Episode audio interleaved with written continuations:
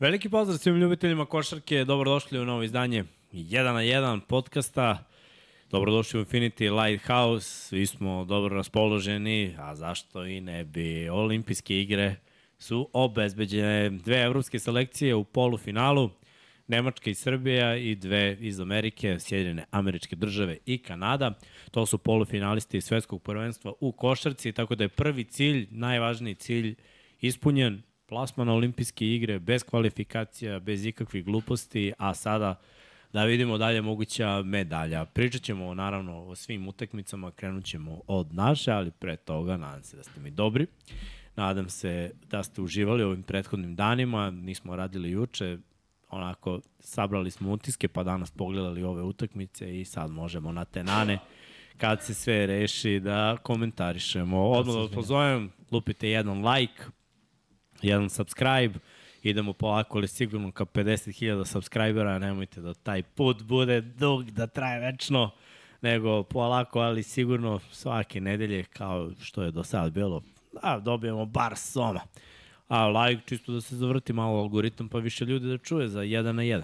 Vidim ovde ima dosta komentara već, dosta pitanja, vidim da ste baš nestrpljivi za Run Your Pool, Biće, to je isti link koji je bio, samo neko od ovih hakera mora da ga premosti. To nisam ja, ja ih smaram svaki dan, danas sam pet poruka pisao, tako da ovaj, haos je jer smo hiljad, na hiljadu strana, naravno bilo bi lepo da imamo čoveka samo za to ili čoveka samo za ono, ali nemamo, nego se onako baš jako trudimo da ispoštujemo sve, pritom to otvaranje novog prostora i žurkica, to je sada broj jedan u sve ove podcaste koji se svakodnevno realizuju. Tako da treba sve to ishrnati, ljudi, budite strpljivi, ako ne bude, ja mislim da će biti sutra. Ako ne bude sutra, jebi ga, imat ćemo jednu utakmicu manje, ali radit ćemo od nedelje prognoze pa nadalje.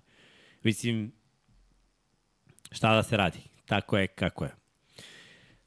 Tako da budite strpljivi, ja sam rekao, čim bude link, ja ću lično da ga stavim u opis prethodnog podcasta 99 yardi. Ja sam mislio da ćeš da kažeš, ja ću lično na svoj profil na Instagramu da ga stavim. Lično na moj... Pravim profil lično samo zbog ovoga. Da. I samo to i onda gasim. Vanja će to da stavi na naše društvene mreže. Jelena će to staviti na naše. Vanja će staviti na svoj profil. Dobro, eto, pratite Jelena, Vanju. Vanja. Videli ste tamo u potpisu njegov Instagram. Može da promeniš ime. Kako? Dečku u odelu. Jel da? Pa znaš kako? Uskoro će da bude dečku u odelu. Ja može, Srki, a? Sviđa moj novi naziv za, za kolegu. Je to kao za potpis? Kako? Dečku u odelu. A, a sa koga si... Čemu si da se rekao nešto drugo, nemaš? Ne, ne, ne. Da, da. Mislim da ti paše. Idem. Jel te bar ja vidim samo u odelu, bre. Ah. Kako budem zvao na basket, dečko će dođu u odelu, bre. Vi, vi komarac kako leti kod tebe. Vidim, brate, sad ću ga pocepa. Da, da. Ja, nego da vidimo, ovaj... Žele da se izviniš selektoru. Polako. Polako. Stavit ćemo kadar na vanju, sečemo za Reels. Da, da se izvinja, zašto se izvinja? Evo ga, Ladno neće da se izvini selektor. Šalim se, ali bila, bila vrhunska tek. Da pohvalim, apsolutno hoću, da se izvini neću. Kad je super stvar, idu pohvale, kad nije ide kritika. To si mi ti objašnjavao sad. Da. Znaš kako je bila smešna scena, mislim sve u pravu mikse, da se razumemo. Vozimo se u auto i mi objašnjava. Nije ovo Amerika. Ne baš baš tako. Mora dečko da shvati, vrate, da nije, ali dobro, polako, mlađe. Mlađe, možda će i shvati nekad, ali pošto sam bud, vratno neću nikad i držat ću, ugurat ću po svom. Ali da, zapravite jedno. Pitaju je li radi klima. Radi klima, je, ja sam tražio da radi. Možda on nosi odelo zbog klime. U stvari, e. ja sam ga naterao na delu jer mu je hladno. e. Ili kako bi, kako bi to rekli u NFL-u, man the fuck up. Uh, kažu, novo delo sivo. Sivo, pa da. Nisi nosio do sad? E, mislim da sam nosio sivo sa plavom košuljom zapravo. Prvi put kad smo dobili, kad si doneo del, ne, ovaj sako je bijen. Stvarno? Ja mislim da je ovo je bilo, u glavi nešto. Ovo sa, plavo, sa plavom košuljom bilo 100%. Kada, kada sam uzao tebe, o, što si donao delo iz arene. 100%. Da, da. Bilo je ovo, samo nije bila bela košulja, izgleda bolje bela košulja nego plava, moram reći. A evo svi kažu novo odelo, kažu... Nije više namestio kragnom, pa zato je dobro. Nije, nije, nije novo delo. Bilo je ovo prvi put, znači pre ne znam koliko. Samo sam se ošišao, obrijao. Ceo proces. Dobro. Znači, so fresh and so clean, što bi rekli iz Outcasta. Outcast. Uf, kako dobra pesma. Uh, ajmo, Gde ćemo? Da idemo. Pa idemo u polufinale. ajmo, Idemo na olimpijske Pa, pa, pa, igre, bre. idemo da i na olimpijske igre. Tako je, hvala Kanadi. A, a Paris. Srki, A ćeš vreme je, brate. lepi kostur. Pa, Koji kost? ne treba mi kostur, daj mi, daj mi ovaj... Daj mi šta je na pera napravio. Našu utakmicu, da vidim. Nisam još video, ajde, verujem vam da ste uradili dobar posao. Koji mi? Srbija Dominantno. dominantno protiv Litva. Fali ti ne, brate, samo ću to ti kažem, Srke. Pa, jesam ja pisao ili pera? Pa ko A je nisam pisao? proverio, bravo, izvinjam se. moja greška. Daj kadar na sebi, izjasni. Nemam kadar na A sebi, nisam stigao. nije stavio kadar. Pea. Ne znam Sad ja. ćemo, sad ćemo. Pera, ti, malo- ti malo znaš kako Pera pravili. funkcioniš? On a, prekopira ono što mu pošalješ. Da. Da. Moje, moje, moje, moje, ja sam, ja sam bio zadužen za proveru kvaliteta. Ali to smo pravili pre nego što ste došli. Tako Da, ovo je u stvari nova promena u, srpskom jeziku. Zašto biste govorili Do, tri slova N, u, u, u, pet slova izbacite jedno i I rešeno. Da, ali Aj, ajde. Srbija je bila dominantna protiv Litvani u drugom polovremenu, prvo nije bilo toliko dominantno, jer smo, se, jer smo se malo pronalazili, treba reći da, da su Litvanci pogađali neke šuteve, ali Mhm. odluke koje, koje je donosila reprezentacija je bila jako dobra, to ono što mu pričamo sve vreme, uh, ne forsirati, ne divljati, sve će doći na svoje, pronalaziti pametnija rešenja i igrati sa ozbiljnim zalaganjem i energijom u odbrani. Bravo. Odbrana je ključ, ova reprezentacija jeste sklopljena za razliku od nekih drugih da defanzivno se igra u jačem intenzitetu, jer ovde nemaš igrača koji se mnogo troši ofanzivno. Izuzev Bogdan. Bogdana. Ali o, ostali, Da, i stavit ću tu, izvini što preknem Gudurić, isto koji ofanzivno, kad je na terenu, preuzima ulogu playmakera i on se ali troši. njegov nivo trošenja nije blizu Micićevog i Jokićevog, na primjer. On se troši, ali ne koni. Prvo nema te minute, drugo Aha, nema okej.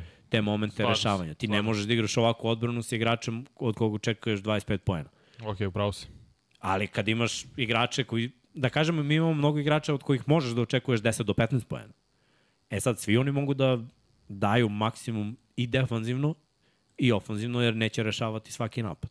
I ovo defanzivno zalaganje, ukradene lopte, igre iz tranzicije, pričali smo o tome, pričali smo o Litvancima i o njihovoj pa da kažemo savršenoj igri za 3 poena, to je malo trebalo neutralisati, naročito ako uzmemo u obzir da mi baš nismo neka elita u odbrani od trojke, ali na ovoj utakmici, mislim, krenulo je u pravcu Uh, prvi biće ovo, po biće minuta. ovo još jedan dan kada oni ono, sve pogađaju. krenuli agresivno i ošte. U napadu bili savršeni tih prvih 4 i po 5 minuta i posle toga smo stisli redove, što bi se reklo. I nisu opet, nisu oni pogađali otvorene šuteve, nego su samo pogađali. I tu se konstantno, moglo... oni konstantno pogađaju Neverovatno. sve te šuteve. Pritom kad ostanu sami, onda znaš da je sigurno. Da, da. Mada to- neki to kažu da je i teže taj šut kad si skoro sam nego A, dobro, kad da, si mislim- iz ritma. Mislim, ne znam, ja više volim da budem sam nego preko Pa ruke. pravo ali... ti kažem, ja sam najviše voleo iskreno iz pick and rolla da dižem za 3 poena i iz akcija bez driblinga, nema šta, mislim mogu iz driblinga, ali ono iz raznih blokova, akcija dijamanta, pronađem svoj ugao 45 i odmah dižem. Red, Pazi, to je to. oni su šudnuli svoj neki prosek, mm Mhm. -hmm. da kažemo između 25 i 30 trojki, samo što je realizacija bila baš, baš na, na, na niskom nivou, 32%. Ono što sam ja vidio je bilo nešto potpuno drugačije, jer ja zaista smatram da ovakve reprezentacije koje prangijaju trojke kao što i Letonci rade, pričat ćemo kasnije o tome, bukvalno ono, jedna trojka im je falila da, da eliminišu Nemačku na kraju, mada se meni više sviđa što je ovako, jer nek se namuče malo i Ameri, Mislim da Letonci baš ne bi mogli protiv Amera, a Nemci s druge strane mislim da mogu. Ali ajde, to ćemo posle. Da se vratimo ovde. 9 trojki od 28 šuteva. Mislim, išlo je na našu vodenicu. Ni, nisu davali to što je trebalo da daju. Oni nisu ekipa koja previše realizuje za dva poena, što su i pokazali. Da uzmeš isti broj dvojki i trojki, ja stvarno mislim da je mali broj reprezentacija ko, ko, koje to rade na kraju. da, Mislim, evo, pogledaš naš odnos. Mi smo 22 trojke šutnuli, znači šest manje, dali isto 9. bili na 41%, ali smo zato 38 puta realizovali za dva. I to su te razlike. Znači, ne ide, nema optrčavanja oko trojke, nepotrebnog dizanja, nego spusti dole Milutinovu u početku koji je protiv Valenčijunasa u nekoliko navrata gradio, pogađao i, i češće smo napadali dole. Koristili smo naravno i to, koristili smo i tranziciju, gde je ponovo bilo nekih lepih poteza. I svaki put kad vidim Avramovića kada odradi tako nešto i kada na kraju poentera, meni je to vrh. E, pazi, Naravno, kad je sam u Avramović, kontri, ponovo ukradene lopta. doćemo do Četiri njega. ukradene je imao. Pet. Znači, Mislim, ima pet. Imao je tri u prvom pa poluvremenu. ovde piše četiri. Mislim, ovde, Ok, ide četiri, svakako Brate, je bio energija, ludilo. u, neverovatno kako je Avramović čim je ušao, napravio je taj bio ta iskra koja je zapravo preokrenula i stavila našu odbranu na još jedan viši nivo. Ali znaš ko mi je igrač? Ovaj, neočekivano igrač iskočio u prvi Petrušev. plan. Petrušev. Znači sve ono što si pričao, mlako, polaže mm. -hmm. loptu, sad je zakucavao, Hvala, napokon. Ne, sad je imao, napokon, sad je imao Bogu. energiju, pritom namestio je ručicu za tri. To je, zapravo je to ključna stvar za njega. Tu je stekao samopouzdanje. Namestio je šut s polja, ulazi, ok, može i, i unutra na kraju, zapravo i pred kraju utakmice četvrt, četvrtina tu iskupio dobar deo poena, ali svakako mnogo bolja partija jer je bio i uh, stameniji u odbrani. I tu je bio igrao sa većom snagom i svidilo mi se što sam video emocije od njega da je u duelima protiv Motivnosa nije posustao, nije padao, nije se povukao. Šta više, bio i nervozni kad su svirali faul, jako, jako je bilo par situacija gde nije trebalo da bude. I takav stav mi se sviđa kod Petruševa i to ono što mu zamere, jer može. Ti sam znaš u sportu zašto kritikuje trener određene sportiste. Ja zato što on zna da oni mogu više od onoga šta Jeste, da. daju, Gledaj, šta pružaju, pardon. verovatno velika scena i prvi put u takvoj ulozi da budeš backup jednom igraču, jer ja opet kažem, naj, nekako najstameniji, najbolja igra, najsmireniji naš igrač je Milutinov. Kad on dobije loptu, ti znaš šta će se desiti. Znači, ili će izbaciti pas tamo gde treba, ili će rešavati do kraja, mislim, što i očekuješ kada mu daješ loptu. Blok kad postavi, znaš da ga postavi kako treba. I onda ti imaš zadatak da menjaš takvog igrača i možda misliš da je scena prevelika u početku, ali kako šampionat odmiče, ti kupiš samo pouzdanje i onda, znaš, i, i treba trener nekad da ti isproziva i da ti stavi do znanja da ovaj, očekuje se od tebe više i da, znaš, sad je to, sad je faza eliminacije, sad mora da bude takva utakmica. Mislim, 7 od 8 iz igre, to je Odlično. najbolji učinak ko, koji smo imali na ovoj utakmici. Pritom, Bogdan je bio fantastičan sa 9 od 13 iz igre. 7 od 9 za 2 pojena, 2 od 4 Ono što me najviše raduje, 2 od 4 za 3. Znači, nije bilo silovanja. Ne sme da bude silovanje u ovakvim situacijama, jer silovanje za, za 3 poena su loši izbori, a ovo je bio savršen izbor, gotovo. Jako smireno i lepo dve, igrati Stefan. Jović isto 11 poena uz pet asistencija, Gudurić te- šest asistencija, Bogdanović tri Mhm. asistencije. Znaš, opet smo širili E, loptu, bilo je svega. Opa, imamo i statistiku lepo. Bravo, Petre. Bravo, Srki. Ne, znaš šta me uh, izdvaja kad si pomenuo Stefan Jović? Kako je agresivno otvorio treću četvrtinu i što je uzimao te određene šuteve iza tri poena i probijao, to mi se toliko svidelo kod njega i ne, ne razumem tu, ne znam da li mentalna blokada ili prosto izbor u određenim utakmicama, što to ne radi češće. A može. Zato što zna, zato što zna svoju ulogu. Ne, ne, o- ipak- okej, to- to je gledaj, Ja nemam nikako problem s tim. Nemam ja problem, samo viš, vidi se da može. Znači imao Vidi taj... se da može ovako savršeno postavljenoj utakmici na savršeno postavljenu odbranu gde, znaš, taj disrespekt, kad ti igrači idu ispod bloka, mislim, ti treba da digneš taj šut. Znači, ako Tako se je. pravi pik i defanzivni igrač ne ide, znači, iznad, mm. -hmm. nego ode ispod, ti imaš metar, brate, metar i po prostora. To je i više nego dovoljno da, da podigneš šut za tri. Tako je. Naravno, svako od njih zna sa kojih Koliko je to pozicija bolje, Milutinov imao bolje šutira. skokova? Dva. To je to lepo vidio, nemoguće. Milutinov je imao pet skokova. Pet skokova, Imao okej. je dva defanzivne i tri ofanzivne Ok, skoka. ok, za nešto mi to baš delalo malo. Aleksa Vramović, 8 Mm. mm. poena, rekli smo četiri ukradene lopte, Davidovac 2, ali defanzivno jako važno, jako važno. U nekoliko momenta, znači ima jednu ukradenu loptu, ali koliko puta se postavio kad treba, koliko puta je zasmetao. Pomoć na slabije strane, Da. help defense, kako iskakao u reketu, ruke podignute gore. Ne, ofanzivni igrač, ako dobija loptu iz okreta, i ako se neko stvori ispred njega, on to ne, ne očekuje. Da, I stati- odmah se šut menja. statistika to ne pokazuje ali toliko. bio je Gudurić, fokusiran vrlo. 9 poena, 6 asistencija, 3 skoka, To je takođe bila jedna bolja partija. Uh, treba reći da je možda jedini koji je podbacio Marinković, koji je uzveo dva, tri šuta koji je bio istek napada i sve to malo, malo je pokušao da se ubaci u ovu šutersku formu, ali nije ovo bila njegova tekma, nije, mislim, na kraju bilo ni potrebe. Jović 8 poena, 3 od 5 iz igre. Opet A, ključne neke trojke, mislim ti spomenuo... Jeste, ona jedna je bila ba, baš ključna. Ajde ovako, da Mhm. krenemo od prve četvrtine, ona je bila egal. 25-24 na kraju za Litvance. Litvanija. Ali kako su oni otvorili... Da, d, e, druga četvrtina, Srbija 25-13, znači totalno druga priča, tu se već utakmica prelomila i meni u glavi, ok, samo sada da ne bude, lako ćemo, Kao je protiv Italije. jer treća četvrtina je ta četvrtina pada kad možeš da uđeš u ritam protivničke ekipe i da se totalno poremetiš. Međutim, umesto da bude pad, nije, bi, bila je ono, koncentracija, maksimalni fokus i 24-17, znači još jedna, kad odigraš tako dobro drugu i treću, a onda je samo da privedeš utakmicu kraju. To Naravno, Litvanci, Mhm. Litvanci i Letonci će pre da krenu sa panikom, zato što je njihov stil igre više trojkaški i onda će da krenu da forsiraju verovatno te neke trojke, što su i radili, To se desilo, da. a nisu ih pogađali, Imaš mikrofon? jer to ti je radi. ne mogu da vidimo te od ekrana. Jer to, to, ti je, to ti je jednostavno game plan. Njihov game plan je bio da šutiramo, da izgradimo i šutiramo trojke, a onda na kraju si u fazonu stići ćemo. Pritom, eto, Leton je u dve, tri utakmice imala Isto izalo. 10 poena za ostatku u četvrtoj i na ovoj utakmici imala 10 poena za ostatku u četvrtoj četvrtini i oni veruju u svoje trojke i malo je falilo da prelome utakmicu baš zahvaljujući tim trojkama. Litvanija nije uspela da uđe u takav ritam.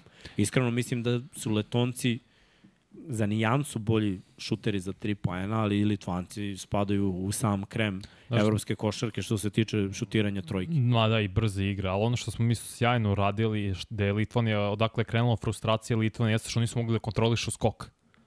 To smo im neutralisali, ta, jer smo i mi i to jest i mi igramo fizički snažno na skoku. Dobro gradimo za razliku od, Meri, od Amerike, njima fali veličine, konstitucije nama ne.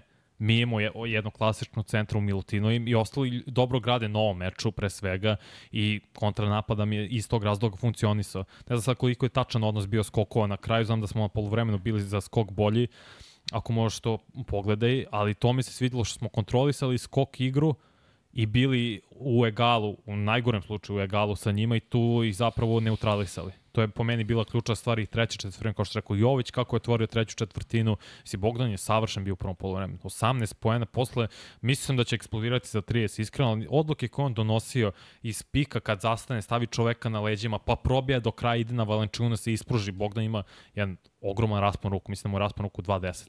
Za neko ko ima 198, to je suludo ogroman raspon ruku, lako dolazi do koša, donosi pametne odluke, nije forsirao šut za 3 poena jer je vidio da može da ide do kraja.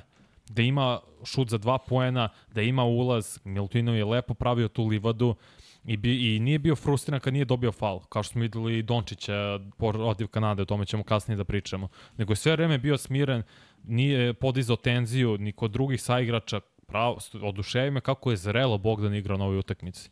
I te trojke koje pogađaju za plus 11 u drugoj, u drugoj četvrtini, to su, ok, samo dve trojke, ali su to toliko važne i prelamaju moment, ubijaju protivnika i ako, je, ako se Slo, Slovenija, boš, Litvanija mislila napravi neki preokret, ta trojka je bio kao nož u srce, bam.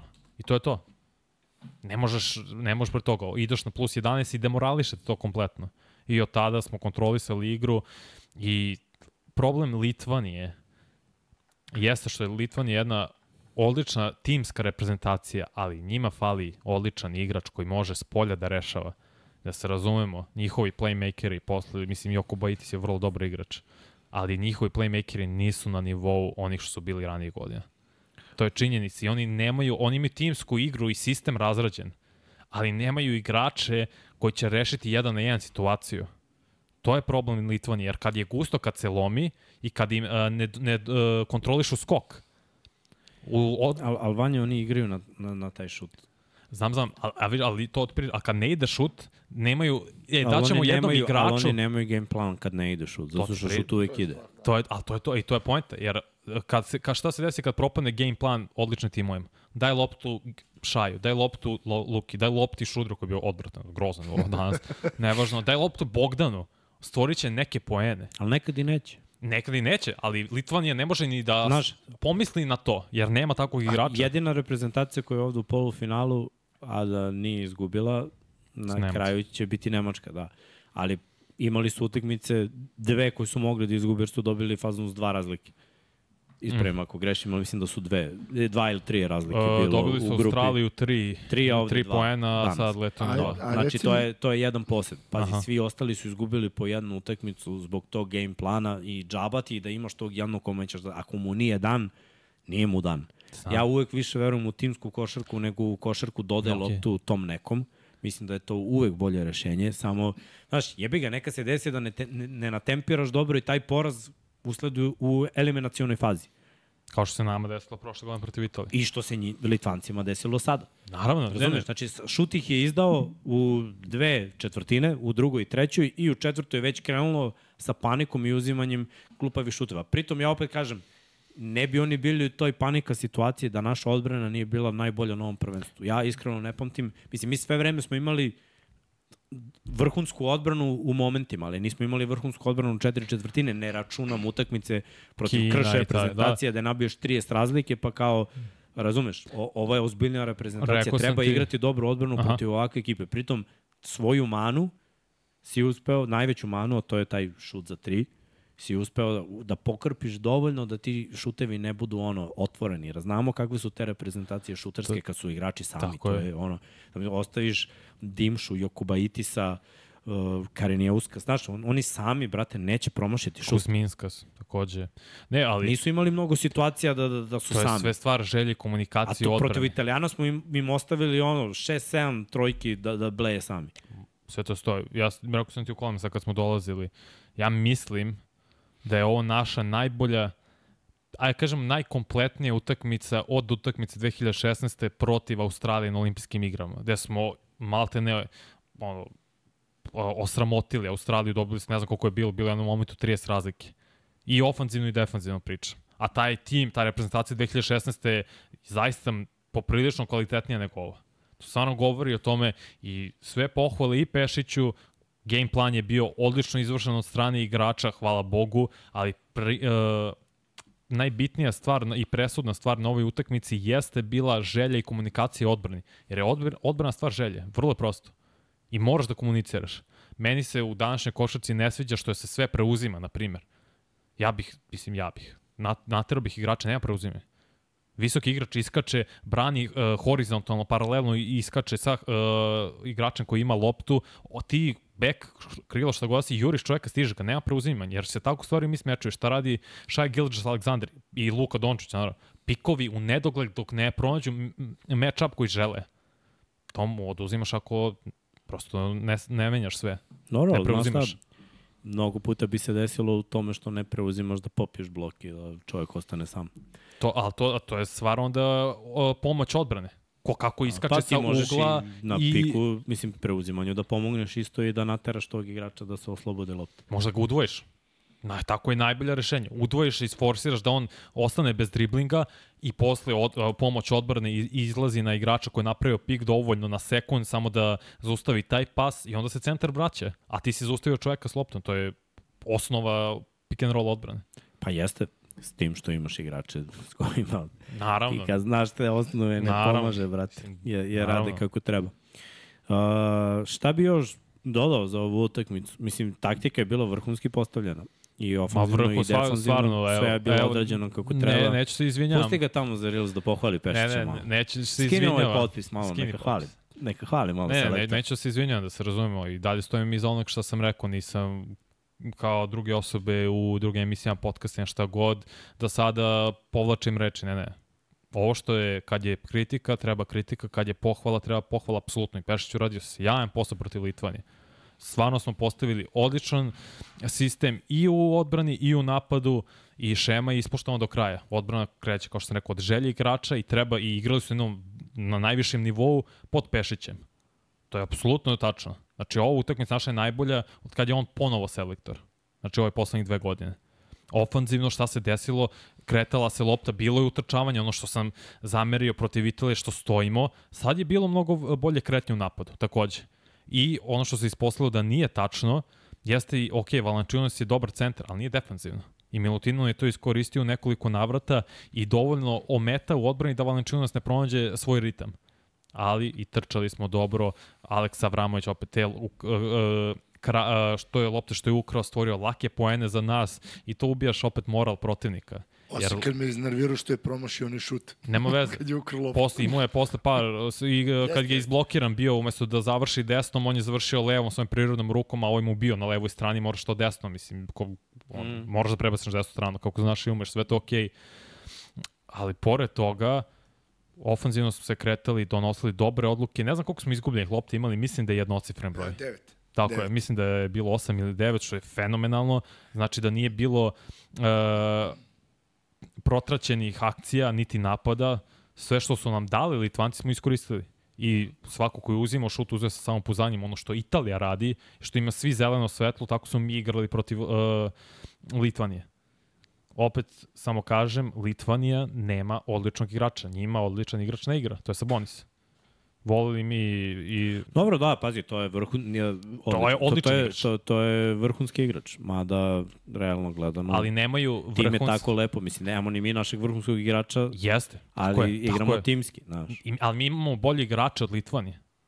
Nemojte da, da vas zavara ovo što je Litvanija Dobro, to, dobila pazi, Ameriku. To, to, to sam baš imao diskusiju sa, sa, sa svojom ekipom, pošto smo u nedelju ovaj, proveli dan gledajući ponovo Ameri i, i Litvaniju. Dobro. I ovaj, ne mogu da se složim, znaš, mo, možda igraju u zvučnim timovima, ali ti kad pogledaš, to, to su jako korektni igrači, oni znaju svoj posao i rade svoje zadatke, to su dobri igrači. Možda nemaju platformu kao neki naši igrači, ali definitivno je reč o dobrim igračima i ovamo i onamo. Znači, razlika se velika napravila u tome da su oni krenuli sa njihovom foliražom i kuknjavom, a mi smo igrali odbranu i to igrali odbranu jako, imali tranziciju i pogađali naše sigurno rešenja dok su oni se baš oslonili prangijamo trojke pa šta bude neka bude. Manje, nema opravdanja da imaš isti broj šuta za dva i šuta za tri na tekmi. To znači da nemaš laka rešenja, već biraš samo teža. Tako je. Neko te tera da to radiš. Jer Ma ti ćeš naravno, uvek da ja u, izabereš dva pre tri ako je lako. odbranu. Ne, ne, Znači, to, to je najveća razlika. odbranu. Nema veze ko je ono dobar igrač kola. Želja je bila naša, konačno. I to je ono što, što sam ja pomenuo još pre nego, što je počelo ovo svetsko, da nije bitan uh, spisak igrača zbog zvučnosti imena i ko igra ovamo ili ko igra onamo. Ni- Nikad nemoj tako da formiraš mišljenje ko je kakav igrač. Jer to ništa ne mora da znači. To je možda talenat, dobar agent ili splet srećnih okolnosti. Nije uvek u životu dobar igrač na dobrom mestu i razumeš, ne, nekad je timska ta hemija, dobro sklopljen tim, zalaganje, podrška međusobna, mnogo važnije od svega. I mi to imamo, i mi imamo dobre, imamo dobre igrače, oni imaju dobre igrače, imaju dobru hemiju. Ja ne znam da li bi sa Sabonisom njihova hemija bila ovako. Kao što isto ne znam Jokićem? da li bi sa našim nekim boljim igračem naše hemije bilo ovako. Da li bi defanzivno zalaganje naše bilo ovako kao što je bilo ovde. Ali sam srećan što smo došli dok smo stigli i ovo je već uspeh za ovu reprezentaciju. Ti kad pogledaš imena koja mi imamo, koje imaju kanadjani, nemci i amerikanci, ovo je uspeh za našu reprezentaciju. Jer mi sa jednom timskom igrom, timskim zalaganjem, međusobnom podrškom smo uspeli da, da doguramo daleko. Ok, ruku na srce, namestilo se, malo smo imali sreće u grupi, U kroz prvu fazu, izgubili smo od Italijana, opet smo imali sreće da Litvanci dobiju Ameri i da idemo na njih, jer Ameri nisu igrali eliminacionu utakmicu, sad kad su došli do toga, videli smo šta je to bilo, ajde, pričat ćemo kasnije. Da, Kada si sateran uz čeo, znaš, zver pokazuje zube kad je ono, napadnuta. Nema izbora. Pa ne, i Litvanija verujem da se malo pustila. Jer su oni mislili su drali teži deo posla protiv Amerike. A, prvi smo. Idemo na Srbiju. Kad ono oni ne su vraže. od uh, Italije. Mi igramo sličan stil. Nama više odgovara. Verujem da je bio deo, toga, uh, deo do toga, ti si u pravu, ne igra, ko zna kakve je hemi bili kod nas i kod njih da igraju Ko zna, najbolji brate, igrači. znaš, ne- ne možemo- to ne možemo zato i da kažem, znamo. ne, ne, uzmemo ove timove. I ne omalovažavam uh, talent ig, igrača Litvanije. Znam gde ko igra. I sve to okej. Znam da znaš. Ali, Ali- ali, ali to nije toliko merodavno. Gledaj, evo ne, ti ne. Jokubaitis je meni odličan igrač. Meni nije. Za njegovu ulogu koja treba timu. Znači on ne, nikad neće imati ulogu Sabonisa od kog će se tražiti tri puta više. Od Sabonisa tražiš double-double, od ovog tražiš Pa šta znam, pet asistencija i dvocifren broj poena, tipa 15. I on Ok, će ti možda to to, isporučiti. gledamo drugačije, ok, sl ok, E, slažem se. Ti mora da postaviš game plan i očekivanja. Nećeš od njega dobiti 30 poena, razumeš, neće on imati utakmicu kao Shai Gilgis Alexander ili kao Dennis Schroeder, zato što tim ne traži to od njega. Od Sabonisa bi tražio. Ali ako on ispuni svoje zadatke, mislim, on je odličan igrač Al, za taj ali game to je plan. razlika između odličnih igrača i dobrih igrača. I sa- vrhunskih igrača. Pa dobro, odličan i vrhunski vrhunski igrač je, nije. Misliš da je i to korak iznad? vrhunski igrač je kada uradi nešto što apsolutno nema veze sa taktikom, nešto što je totalno u fazonu, nemoj to da radiš i da koš. Dobro, meni je to prkusi, odličan igrač. Prkusi, prkusi svemu. Odličan igrač je, gledaj, ti ne, nemaš tak, taktički manu za njegovu igru. Naprimer, play, ne gubi loptu, ima iznad Dobro. pet asistencija, ima, brate, preko 10-15 poena na svakoj tekmi, to je odličan igrač. U, u, tvom, Okej, u okej. tvom sistemu on je odradio sve što treba. Dobro, nađemo sam- i drugim stvarima. Kad je ok. sam, da koš. Ok, ok. Da koš na- svaki put, je li tako? Dobro, ja bih, rang, ja bih rekao da je Jokubaitis na ga, mojim očima. Na gra, vrlo dobar na... Ne, dobar na vrlo dobar. Dobar ne, ne, on nije, mislim, opet drugačije to gledamo, nije to toliko važno, razumemo se šta hoćemo da kažemo. Jer i meni Bogdan, na primjer, na granici vrlo dobrog i odličnog igrača. Naš, da, da, to- ali gledaj, on to mi- ponekad, Bogdan ponekad pređu, ima obrise, to, ja sam vrhunski igrač. a, to, a to je to, to je granica. ne, Nije kon, dovoljno konstantan da bude Tako je. odličan, Pa meni ko je, tebi ko je na ovom vrhunski. prvenstvu konstanta da bude vrhunski igrač? Ajde. Shai Gilgis Luka. I da nije, da nije bilo ove partije Šrudera za reprezentaciju, Šruder igra odlično. Nije Šruder. I, igra I on im je vrhunski, najbolji ovo igrač. nije bila njegova ne, partija. Ovo nije, ne, ovo danas je bilo katastrofa. To je I katastrofa. Anthony Edwards je na 30, I konstantno. Anthony Edwards isto. I stavit ću tu Vučević. Meni Vučević odličan Jest. igrač. Double-double mašina. Ne mogu, znači, Vuč, ima pet, petorica, možda šestorica igrača, mislim, nije, Peti Mills više nije to za reprezentaciju, Š, uh, Gi, uh, ovaj, Josh Giddy je previše mlad i prvom prvenstvu da bi to bio, jer nije na tom nivou, ali ima kažemo četvorica, petvorica koji su zaista odlični igrači. Onda imaš njih desetinu koji su vrlo dobri, koji mogu da budu odlični na određenu noć. Imaju tu nijancu i Dobro, momente. Da, otvori se. Otvori Da, da, se. to- to- Gledaj, to je drugo. utakmice se mnogim igračima otvaraju. I sad, ako on, kada se otvori utakmica, uspe da do, doprinese, mm. -hmm. da odradi zadatak, znači, ti si odličan igrač. Mislim, Mislim, samo ne forsiraš. pazi, Lauri mnogo je odličan igrač. Ti imaš mnogo igrača koji isforsiraju da ih mi posmatramo kao odlične. Jer će uzeti 100 šuteva da bi dao 30 poena i da bi imao statistiku i na kraju ti kad pogledaš, ok, vidi ga ovaj imao 35 i ne znam, popunio je sve kategorije, igrao je u odbrani, imao par ukradenih, pojavljivo se gde treba, popunio je asistencije i skokove Mhm. preko pet i on je vrhunski igrač. Borazeru potrošio je 50 napada. Dobro, to je slučaj Luke u Sloveniji, mislim. Pa, to, to i to je savršeno... slučaj Anthony Edwardsa ponekad, znaš, jer, jer će šutnuti svaki put u drugoj sekundi napada, u drugoj, e, kapiraš? E, I da, on imaće utakmicu kad će šutnuti tačno koliko i da. Šutnuće 20 puta i lupam, daće 35 pojene. I on, to je savršen učinak. Kao Razumeš? protiv Litanije, 14 od 26 igra. Ali imaće i, i lošije utakmice. Ali ja zaista cenim kada igrač šutne mali broj, kada sve radi kako treba, kada doda loptu kad treba, kada šutne kad treba, kada pogodi kad je sam. Kada uradi Treba pravi... kada neko pogodi uvek, kad možda se zakuneš da će pogodi kad je sam. Koliko imaš takvih igrača? Malo. Realno malo.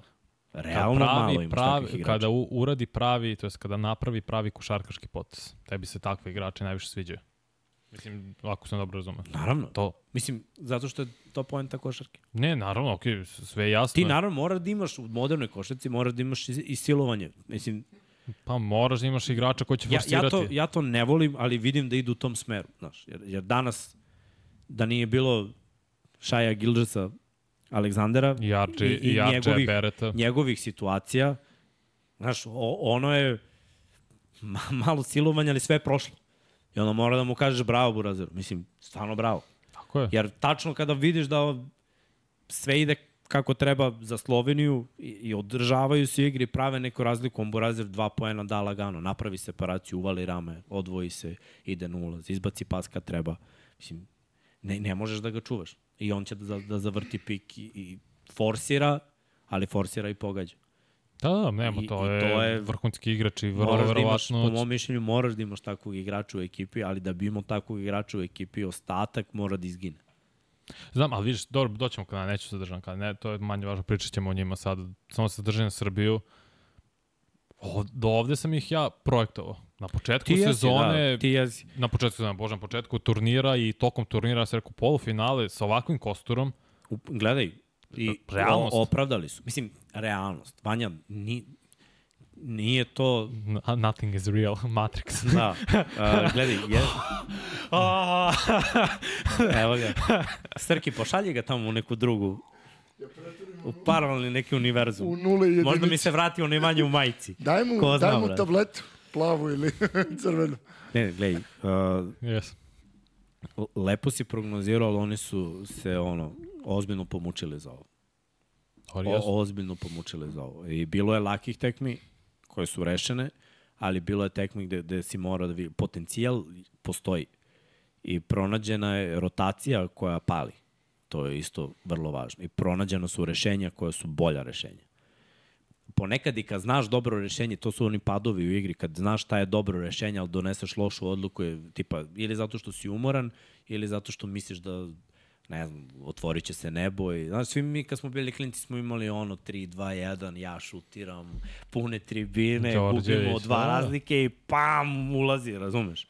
Za malo Bert na zimu. Treba da, treba da, ali re, realno stanje je da treba prestaneš da živiš u tom svetu i da počneš da živiš u svetu i zaberi pametan potez. Ne, pa kao što već sam i rekao, Candy, roze naočare. Ja volim tako gledam svet, kroz roze naočare, pa ovo.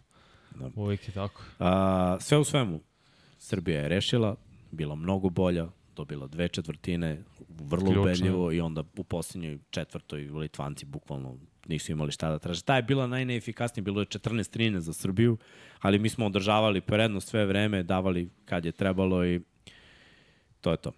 Uh, ajmo, ajmo, ajmo dalje. Ajmo na... A imaju pitanje ljudi sa nas. Pa dobro, da, ajmo ajmo ovaj, pitanje onda. Za Srbiju. Generalno. Ili možda da prođemo sve, Kako god želiš ti Ajde, vodiš. pa dođite na pitanje. pa zato što ćemo posle da najavimo, verovatno. Pa Da. moramo na... Da, da.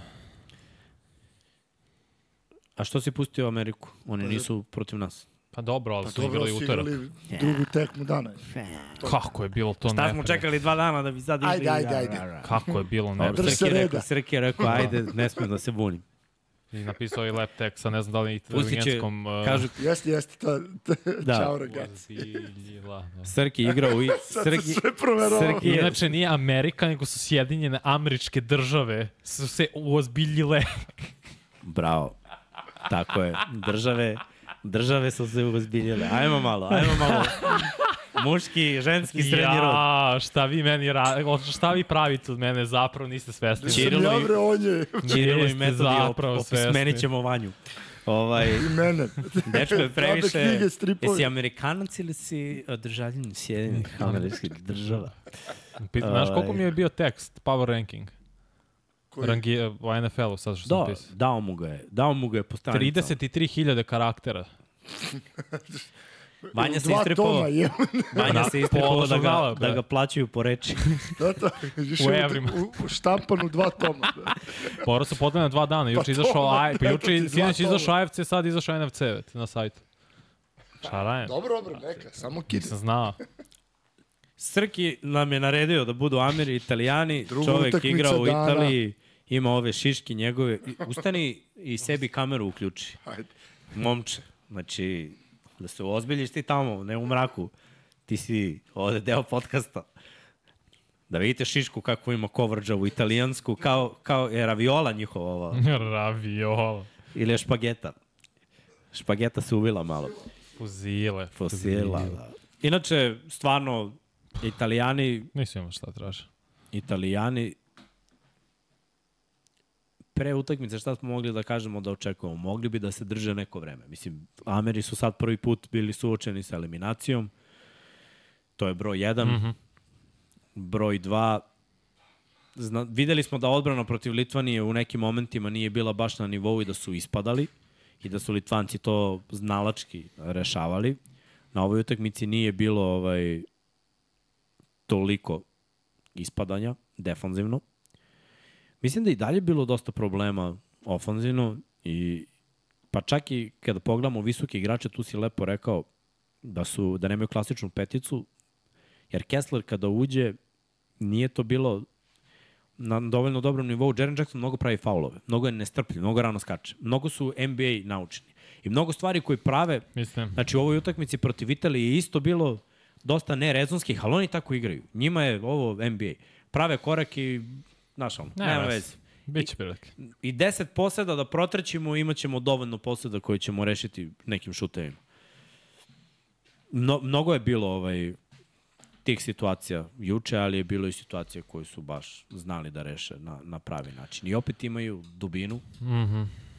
To je ono što im, što im ovaj, dosta znači. I, I realno gledano, mislim da. da su i dalje broj 1 favoriti. Yes. Bez obzira što njihova košarka meni nije najlepša, bez obzira što bi mnogo volio da ih Nemci očepe u polufinalu, Nije nemoguće. iz mnogo razloga naravno, ne, ne samo Nije ovaj, nemoguće. Nije nemoguće, da, ali, ali moraju Nemci da odigraju savršenu utekmicu, jer ovi nestaju. Nestaju do kraja, mislim, nisu stajali ni protiv Litvanije, samo je problem bio što je jedan igrač bio raspoložen, to je bio Anthony Edwards. Ako mu se neko pridruži, e tu nastaju problemi za, za ostatak ekipe. S druge strane, za Italijane morala bude savršena tekma. Litvanci su ih dobili jer su igrali savršenu tekmu. Da se razumemo. Sve je ulazilo što su šutnuli, imali su prava rešenja, defanzivno, ne znam da li su oni igrali toliko dobro defanzivno, ili samo ovi nisu mogli da pogode ništa. Ne, Litvanci su kontrolisali skok i to maksimalno eksploit, Skok da, ali gledaj, bilo je mnogo šuteva s polu distance koji su bili, nisu bili zatvoreni šutevi. Znači, bili su, ono, poluotvoren šut koji mm -hmm. ovi ništa nisu pogodili. Koja je verovatnoća da oni, ne znam, na nekoliko utakmica ne pogode te šuteve?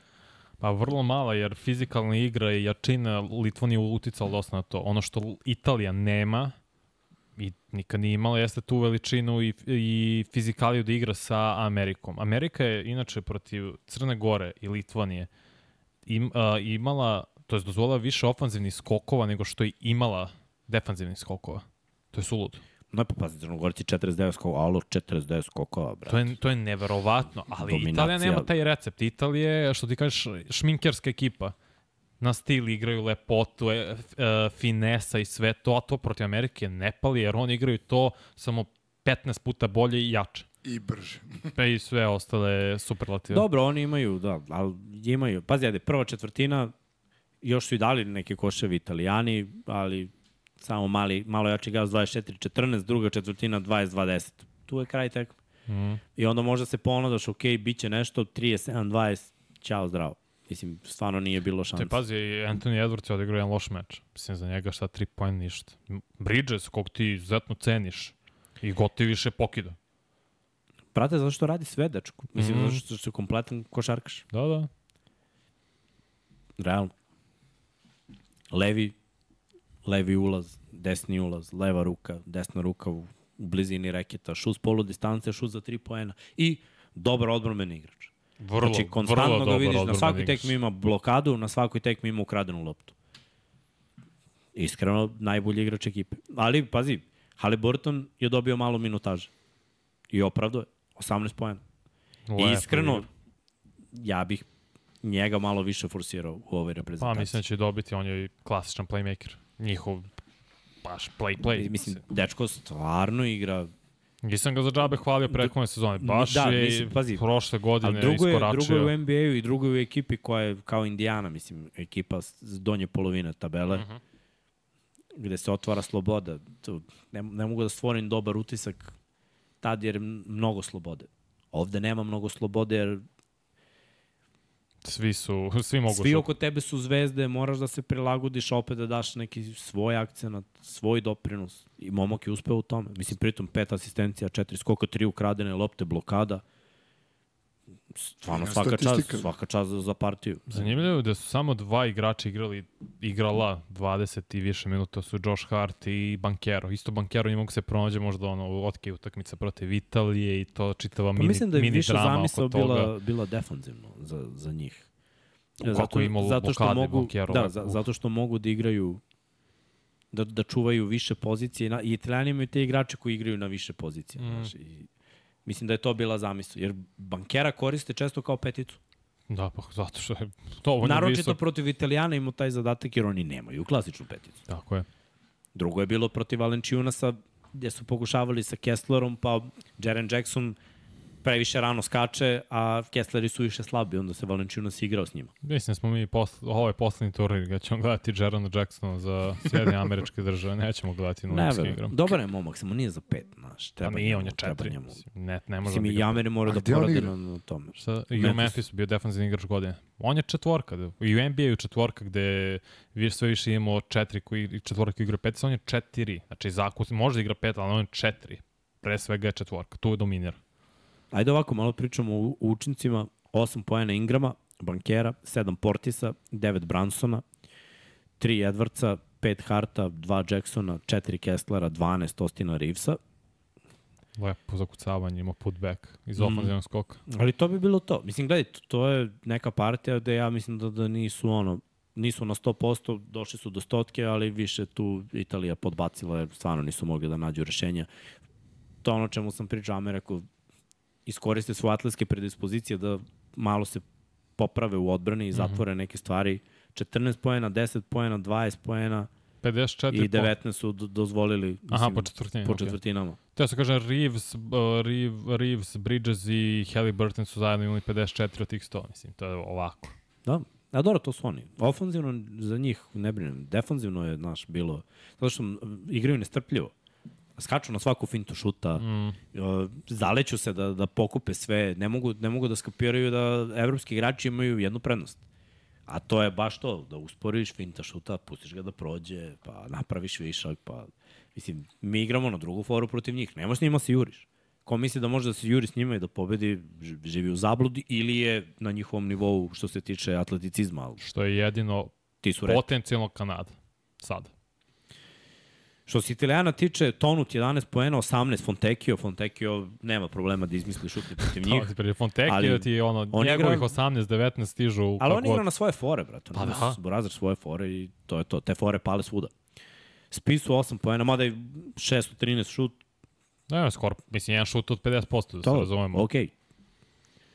Da bi dobio Ameriku, to mora bude bolje. Pa i da, ostatak ekipe još mora se pridruži. Da. 5 poena za Melija, 2 od 7, to je bilo slabo. Riči uh, 2 od 8, 5 poena i to je bilo slabo. Uh, Polonara 0 od 4.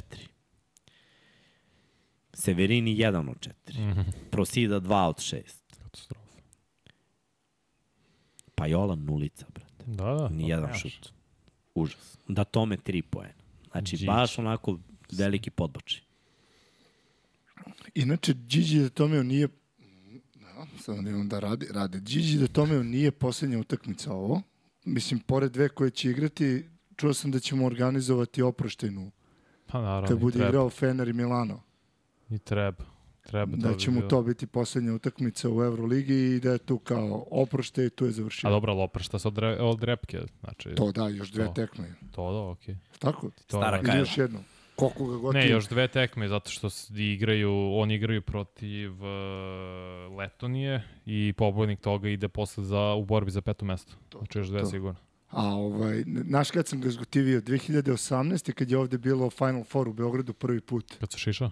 Kad su ga šišali? Ma da, ali sam tad nešto imao priliku pored Donovana Mičela da zablejim je sa njim. Željko je vodio Fener. Kakav je to car. Jok On čoveka, je evo. odsutan, on, on, on je bukvalno odsutan iz života, bre. Kao, pritom je došao nekim pocepanim pad... Ono, totalno je nezainteresovan za bilo šta, bre. Baš je faca, bre. Pa, brate, to ti je Nema taj lagani, lagani Da, da. lifestyle. Mozak na pašu, tako ja to, To, kažem. to, to. Šta ga briga, bre? Pa to je najbolje tako živeti. Šta se opterećuješ Tako je, bre, idemo da pecamo bre miksa posle Tako je. 40. Ne ono, oblačimo deo, brate. i- Dobro, vi imate blizu 40, ja nemam, pustite me da...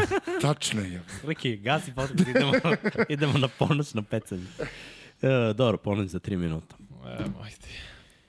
Nisu imali A- italijani stvarno šanse, to je bilo jasno kao dan stil, igra se ne poklapa, nisu fizikalni, to je bilo to. Amerika, Ide dalje tako je. i znali smo juče da će ići na pobednika Letonije i Nemačke. Tu, iskreno, pričali smo, Nemci su favoriti, sve to ja sam držao te Litvance ono, od početka kao neke favoriti i Senke, iskreno za tim favoritima i Senke to se nikad ne znam, a da znaš da im nešto fali, da nešto nije limitirani tu i da, da imaju ono, obično jednu foru na, na koju rešavaju stvari i ovaj, danas znao malo da prođe, znači gledam onaj poslednji šut i mislim se vidi kad će doći.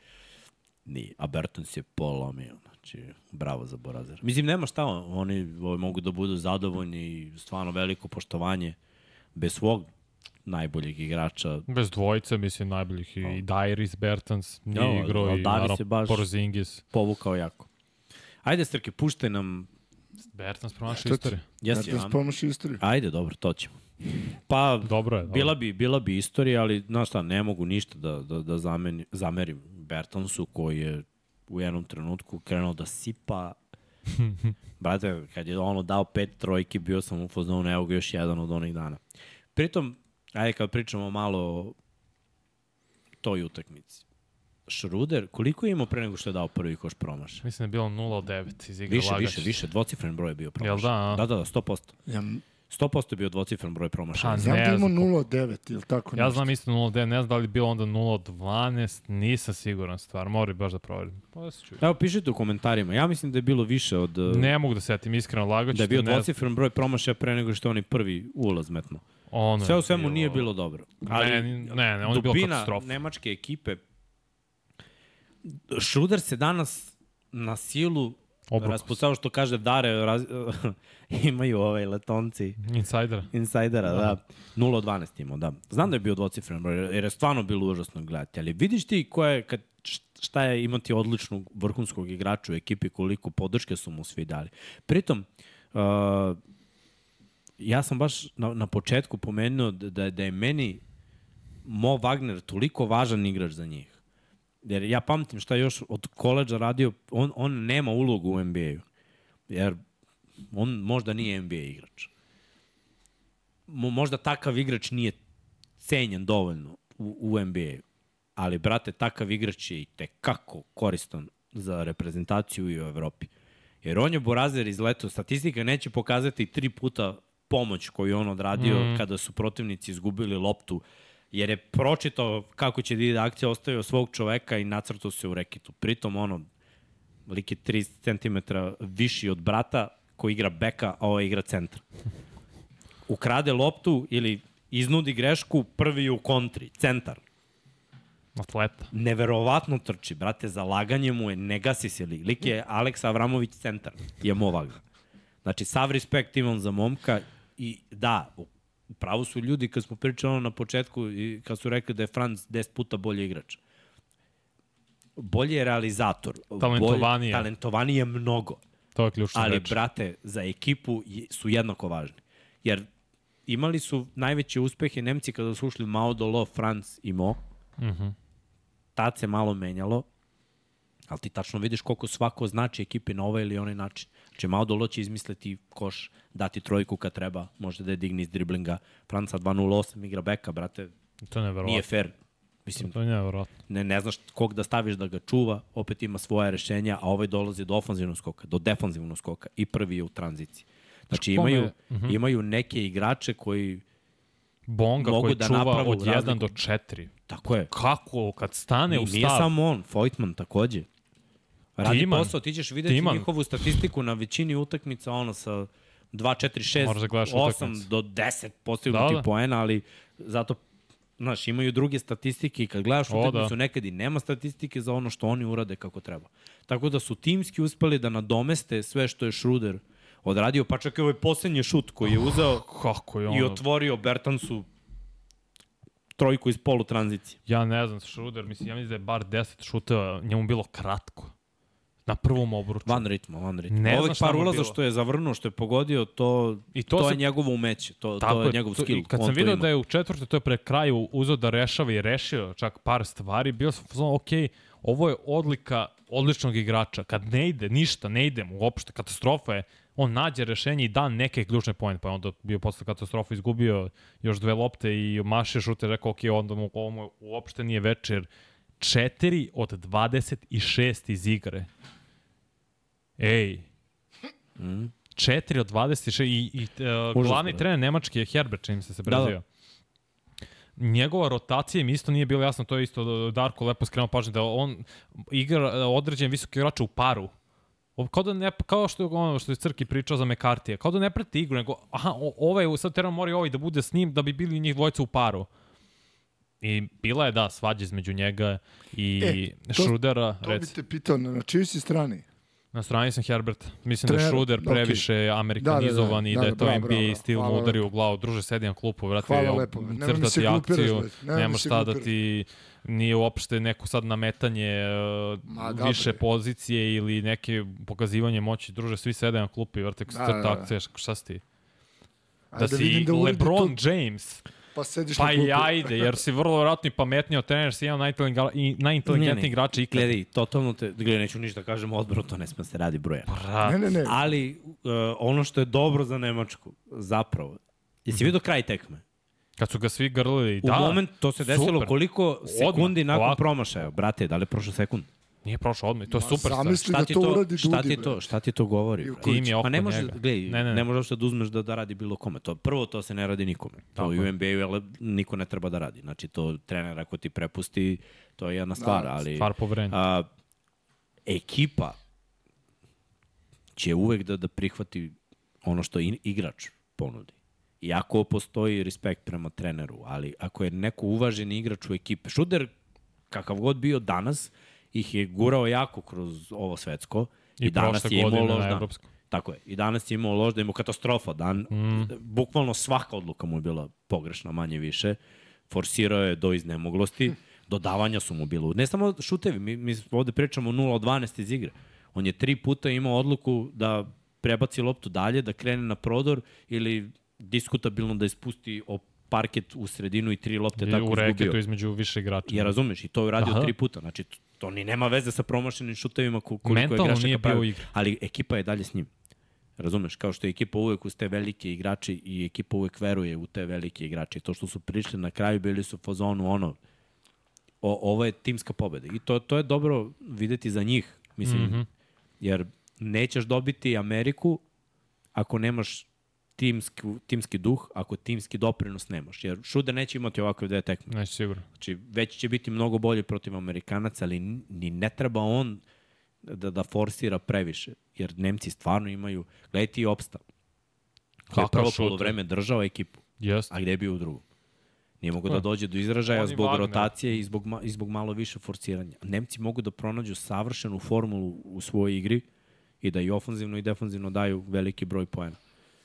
Ovo što je bilo danas, znači iskreno, ja sam ovaj, razmišljao, ono, drago mi je bre da prođu letonci, ali neću da prođu jer Ćamere se prošetaju. A ako mi rešimo naš matchup i prođemo u finale, više bi voleo, iskreno više bi voleo Nemce ne, nego Amerikance, mislim. Jer opet verujem da ni, da smo jači protiv ovoga nego protiv sirovog atleticizma. Nisam siguran da nam leži sirovi atleticizam. Mislim da nam više leži ovako nešto, da imaš po kog atletu, ali neki sličan fazon evropske košarke, da, da Slične- tu možemo da lakše dođemo mm -hmm. do. Evroligaški. Sli, pa ne, slična priča što sam rekao za Sloveniju. Verovao sam da njima Nemci više leže nego Kanada, Australija, ali okej, da sumiramo ovaj meč Letonija, toliko je bilo blizu i ovaj, kako se zove, uh, Žagaš, ne, Žagars. Ža, uh, Žagars, prate, kako neka rešenja čovjek pronalazi, prelepa, to je stvarno nevjerojatno. Svako je igrao, brate, i, iznad. To, mnogo je lepo bilo oko, videti to. Pazi, stvarno je kroz- bilo pravo. Kroz godine ovaj, komentarisanja evropske košarke upoznaš se s ovim igračima i njihove uloge. Ne dođe oni ovoliko do izražaja u, u timu, u tim takmičenjima, mm. -hmm. ali kada dođe taj moment igranja za reprezentaciju, mnogi to shvate kao ono sa, sad ili nikad i stvarno daju sve od sebe. I tu, tu se pojavljuju igrači koji dolaze do Mi smo tih tako ostvarenja. No. Uh, Šmic, 14 poena. Šmic isto kad je pokrenuo da, No. no. dao tri trojke, kad su skokova. 14 razlike, 13 razlike, 73-60. Dve trojke. On je dao dve, ali o, ne znam ko je dao treću, vezali tri trojke za redom. Bam, minus četiri. odmah. Bertans je šest dao od 13, mada je otvorio nerealno.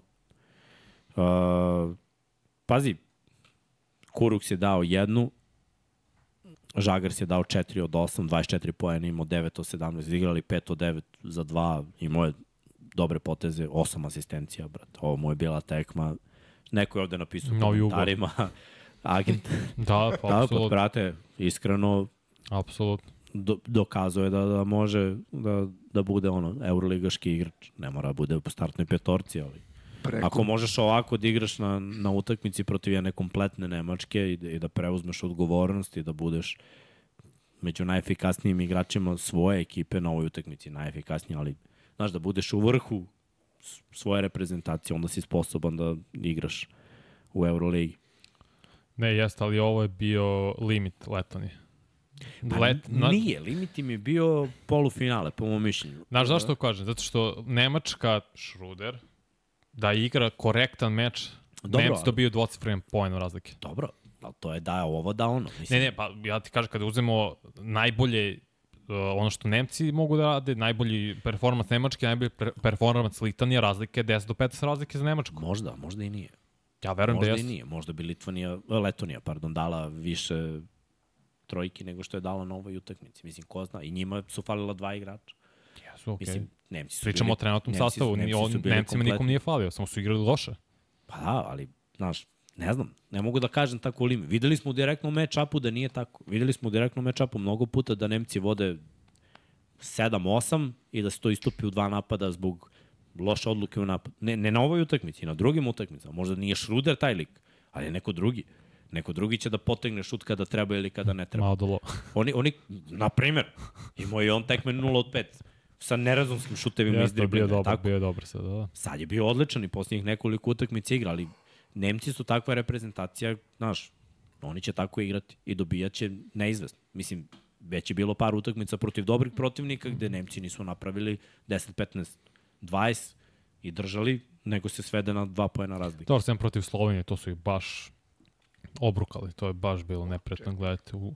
Ali Letonija vraćala se kad je gubila dvocifreno Protiv Francuske, i za protiv početak. Španije, isto. I Gubili ulaze u četvrtu, gube 14. Ovo je, brate, jedan šut, za, gledaj, nije bio šut prvi obruč, drugi obruč, tabla. Nije mi svidio šut. Šut je bio blizu. Nije mi svidio. M- Mogo je da priđe još liniji za tri poena. Ne kažem da, ide, iša, da, ide, da je treba da ide do kraja, ne. Mogo je još da priđe liniji za Da, tri teo je poena. da iseče promena ritma, ta, Mislim, da bi Bonga ostao je sam. bio na njemu, Bonga je odmah reagovao na prvi šut. On, brate, nije, Sad- bio, nije bio na šutu. On je uzeo šut koji je hteo. Ne, ne, okej. I ta daljina, to je njegov range. Mislim, Ne, ma, on on ima sve jasno, nego ho, hoću da kažem, Bonga se, kad čim je vidio sa ovaj diže, on je krenuo da se diže, naravno nije bio blizu šuta, ne dovoljno blizu makar, da je bio moment zastani. Finta, ne finta šut, nego samo pogleda, zaustaviš se, pogledaš gore, Bonga bi se digo na pola sekunde i imao si još jedan, dva koraka da priđeš bliže. On, brate, nije bilo mnogo daleko. Bilo je sa Bila- 8,5 9 metara. Bilo ono malo, malo dalje od NBA trojke. Nije, brate, 8,5 metra je, šta, metar i 30 više. Pa nisam siguran da je bilo 8,5 metara. Meni Si tako- siguran da je bilo Meni 8,5? tako delo. Meni je dalo oko 8. Srđanje, screenshot. Sad sam ga... da, da nam je screenshot. Mislim, gledaj, nijedan ovoj tekmi nije prangio odatle. Ne, ne, nije, samo mislim da je ne? mogao bolje šut, jer je ostalo 4 sekunde kad je uzimao šut. Bilo je dovoljno vremena da se, razumem bi da je bilo sekund do kraja. Od Ali gledaj, budi realan. Koliko često iz driblinga Davis Bertans kreira svoje šuteve. Iz Vrlo promene ritma. Istina, vrlo lepo. Koliko procentualno mi daj koliko, a koliko sad. dobije loptu iz uručenja iz izlazne A, kretnje. naravno. Za Catch and, njega je je, ovo bilo, vidi, mogu da je dignem. catch and shoot je Ide, bio, i mislim, on je catch and shoot bilo igrač. uopšte, nije bilo uopšte daleko. Znači, bukvalno sam bio, nije se desilo. Možda je dobro, kažem, Nemci su naučili neku lekciju, idu na bolju reprezentaciju. O, da. Amere čeka bolja reprezentacija i ovo će biti prvo polufinale. Znači, mislim da će biti zanimljivo, mislim da će biti neizvesnije, mislim da će Ameri dati sve od sebe, ali da Mislim, mislim da su počeli malo da poštuju evropski stil košarke, ali će morati mnogo da pogledaju snimke i da odrade dobar scouting, jer neki igrači Nemačke koji dolaze sa klupe su mnogo bolji od igrača Litvanije koji dolaze sa klupe, mnogo bolji od igrača Italije koji dolaze sa klupe. O, da. I ovaj, Znaš šta je problem? Ovi igrači, pošto su toliko mladi, pričamo o, o igračima Sjednih američkih država, nisu okusili sramotu i poraz na prethodnom svetskom prvenstvu.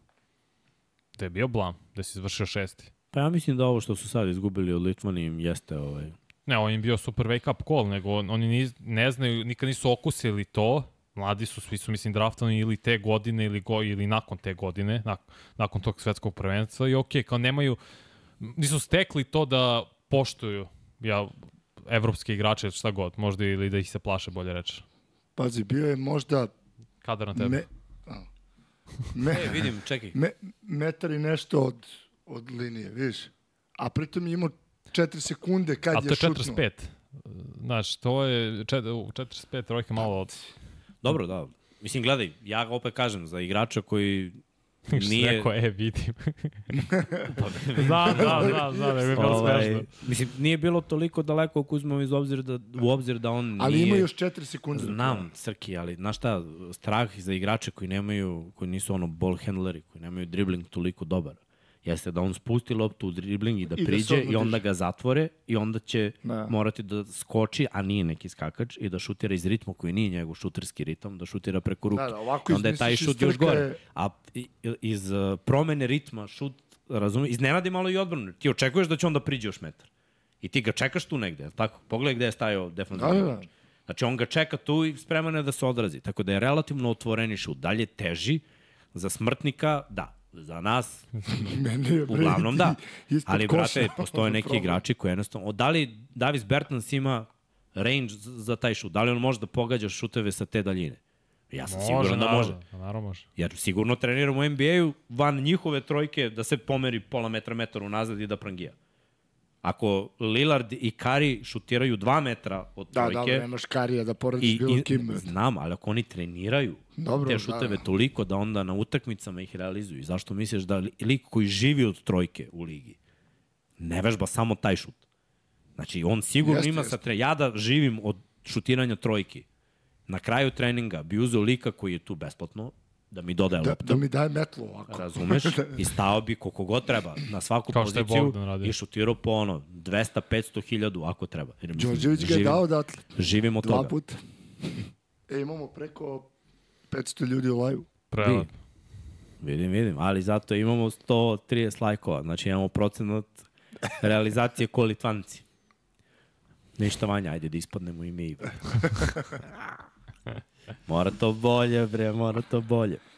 Da li je mogao do koša, to je diskutabilno. Ne znam. U teoriji, u teoriji je mogao, ali Opet to što ti kažeš, nije on... nije, niti je on siguran u dribling, niti ima niti ima takve finte, da li bi ga defanzivni igrač sustigao, Bonga izbacio, da li bi ga naterao na neki teži šut. Pritom, ono što je Dare rekao u prenosu, ono, da li su bre oni uopšte hteli da idu u produžetak, šut za dva. Ma jok, bre, Jer- vidiš da je teo da reši. Ideš na sve ili Pogledaj, ti ništa. pogledaj A, uh, ekipu Nemačke i, i Letonije. A miksa Znaš naši... se ko je kompletni Pa ko može je. na duže staze, ali ovo je šut, sad ih reši ili Pa nikad. to je, znaš i sam, znači kada si outsider, kada su male šanse da pobediš, istina, ukaže ti se prilika, ne ideš na nerešeno. I brate, ideš na pobedu i kraj Tako je, priča, kao pričamo puta u NFL-u, ako si gost i vodiš i protiv bolje ekipe i lomi se rezultat, ne ideš na šut za ekstra point da izjednačiš. Brate, ideš na Tako dva je. poena. Šta se radi? To I to. ko će, ko će da mu zameri, mislim. Šta, Ma on, ko će bi mu bili zameri, oni tu bre? da nije njega? Ma da, bre. Ili uopšte, taj, da li mu neko zameri u ekipi? Svi su prišli da, da mu pruže Ma, ruku i dečko, znali su da je to to. Bilo je sve ili ništa. Dešava se, to je sport. Mislim, da se ne lažemo, bolja ekipa je, generalno bolja ekipa je prošla dalje. A na ovoj utakmici i ne nužno toliko bolja ekipa. Jer je bilo mnogo grešaka. Ali svakako to su stvari koje će obeležiti ovo polufinale koji ide. Jer, evo, gledam izgubljene lopte Nemačke. Na papiru to nije strašno, to je osam izgubljenih lopti. Ti kad pogledaš statistiku, meni je, koji sam gledao utakmicu u glavi, bilo ono, toliko glupavih napada da sam mislio da je, da je ovo dvocifreni broj. A zapravo i nije su do strašno. loš, loš izbor šuta, forsiranje šudera Šut- je šut, da. mnogo uticalo na mišljenje Nemačke, ost, ostatak tima igrao na visokom nivou, pre svega Da. eto taj Franz Va Wagner koji je propustio četiri utakmice. Pazi, 0 od 8 za 3 imaš. Da, da, znam, znam. Pritom odbrana je bila, ovo Ameri treba da pogledaju, taktika igranja odbrane protiv Denisa Šudera, NBA taktika. Pusti što šut. radi, od, odaljiš mu se metar i po i Tako je. prangije, bora. Evo trojka. Radi šta Će hoće. šutneš šut. To je najveća mana Denisa Šudera. Ti mu priđeš, on je brži. Odaljiš se, igraš ispod bloka uvek. Neka šutira. Tako je. Ajmo Aj, dalje. ajmo Imamo poslednju utakmicu. mučnu utakmicu. Pa nije bila mučna. Bolji u košarkaškom slalomu od Slovenaca. Može ođe da piše sa sa ne da je. Zašto, zašto je slalom? Da. Zato što obe reprezentacije voze skije. Ka, mislim, imaju A, dobro skijaše, imaju planine Vidiš i, ti znaš, to. Bravo, Srki. To mi je palo na Zimske- pamet. Bravo, brate. O, Zimske olimpijske su- igre, bra. I jedni i drugi su vrhunski u skijanju. Jesu, brate. Pa Znaš da. da mi ne bi palo, da evo gledam slalom i razmišljam uopšte vele slalom u skijanju. Već kad, kad sam letnje dete, nisam skijaš, uopšte mi to nije. Bravo, brate. Svaka čast. Super. Pa dobro, jedni su skijali, drugi su Drugi su se žalili. drugi su plakali da celu utakmicu, mislim to je to je meni utisak bio o, ovog meča. Uh, iako je polovreme bilo egal i, i rešenja su bila dobra, mislim da, da je ta nervoza koja je bila prisutna i kroz egal četvrtine na kraju morala da dovede do toga da, da se utakmica završi na ovaj način. Pritom, Kanada je imala neka rešenja lakša rešenja. Prvo, ajde da krenemo od Gilgis Aleksandera koji je ono instant point sa koji je 30. nalazi u svoje i moj drugi omiljeni igrač Kanade, a to je Kelly Olynyk, brat.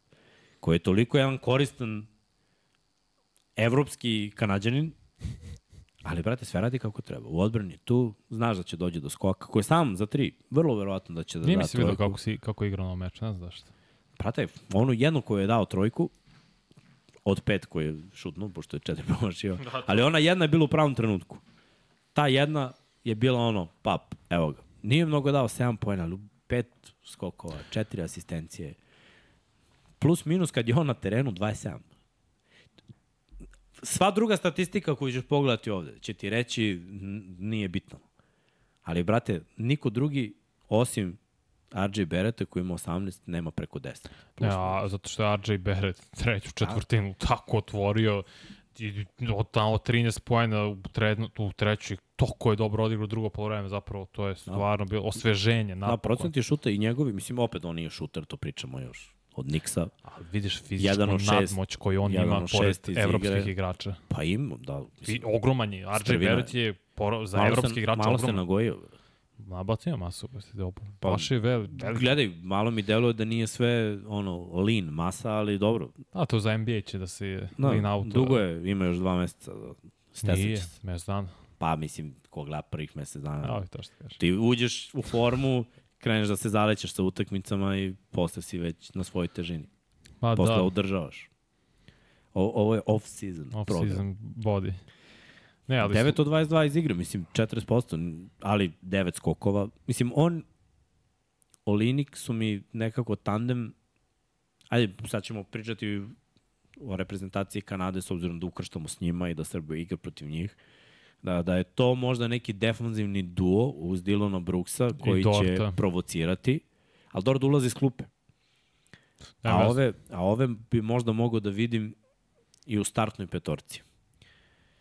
Da, da, da budu zaduženi za, za pa da kažemo, naše nosioci igre. Za da Bogdana. Dylan Brooks Bogdana, da Beret Pa Jovića i Olinik Milutinova. Da, da to bude njihov defanzivni trio koji će da prvo, ajde da kažemo, Brooks provocira i igra agresivno na lopti, Juri, videli smo danas Sad i Šamara ako treba za tehničku, ali ono, prgav igrač.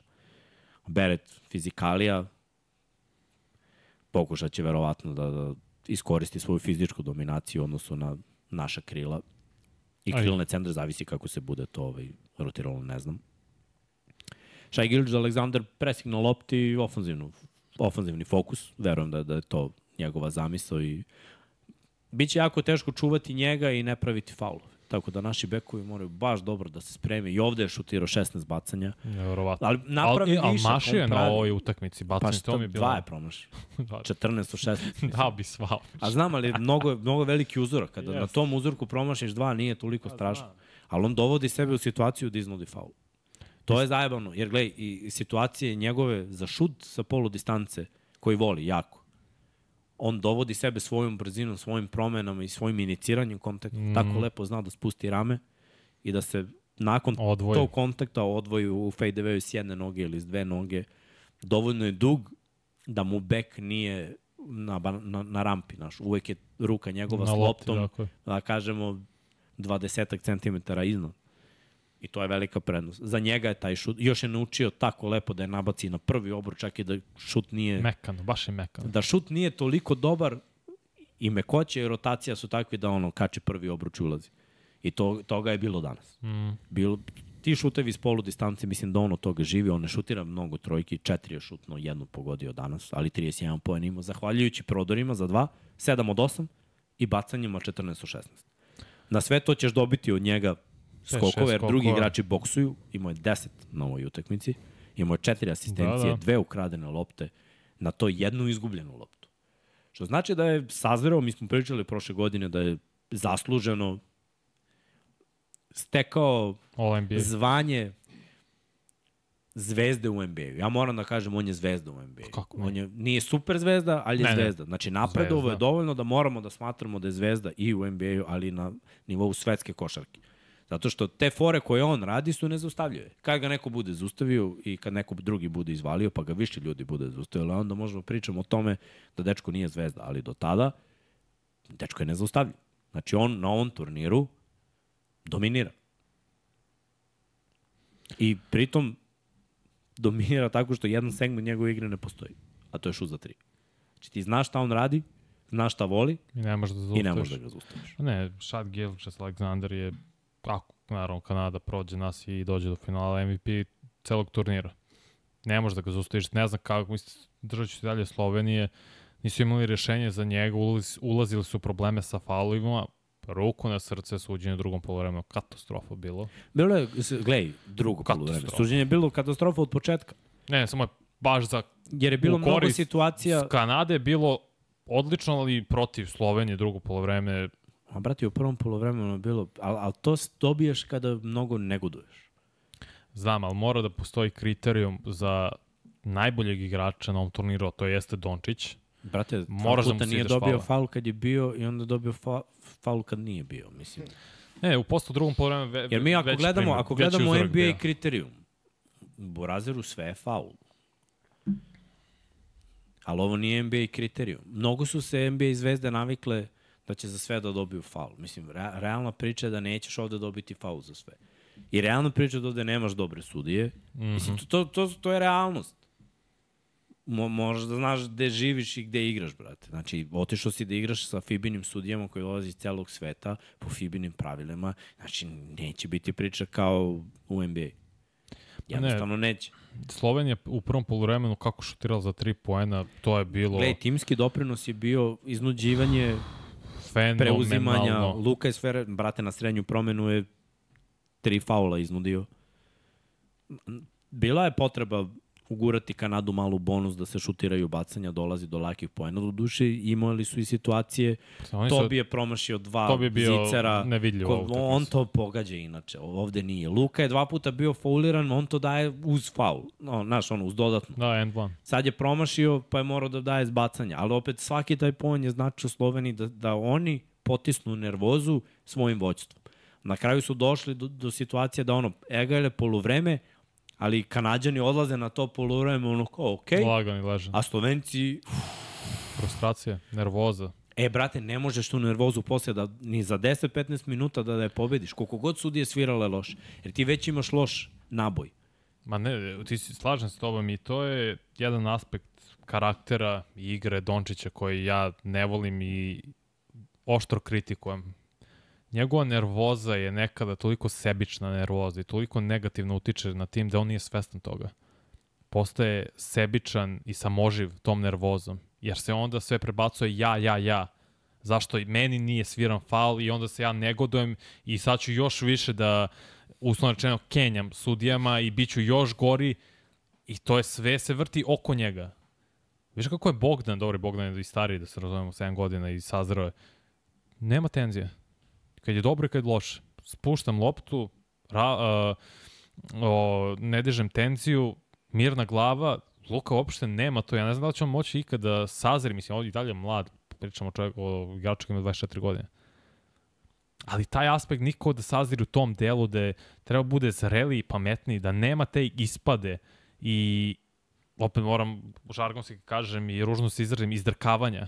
Ta nervoza njegova uliva u čitav tim. To nekad pomaže, ali uglavnom ne. Slovenija se držala u prvom polovremenu zato što pogoli 11 od 17 trojke. Gledaj, ostatak ekipe je imao dobro rešenje, ne samo za tri, top. ne samo za tri, brate. Bilo je dobrih rešenja Ne, i ono, okej. finta šuta, uđeš u reket, pogodiš. Jer Kanadjani, da se ne lažemo, mislim, moramo malo o njima više da prosto igramo protiv njih, pa bitnije nam je. Oni otvaraju neke stvari, brate. Otvarali su neke prodore, otvarali su neki pick and roll, otvarali su neka bacanja. Ja razumem frustraciju jer na drugoj strani se svira dosta, a ovde ne. Tako je. Ali mora da potisneš tu frustraciju.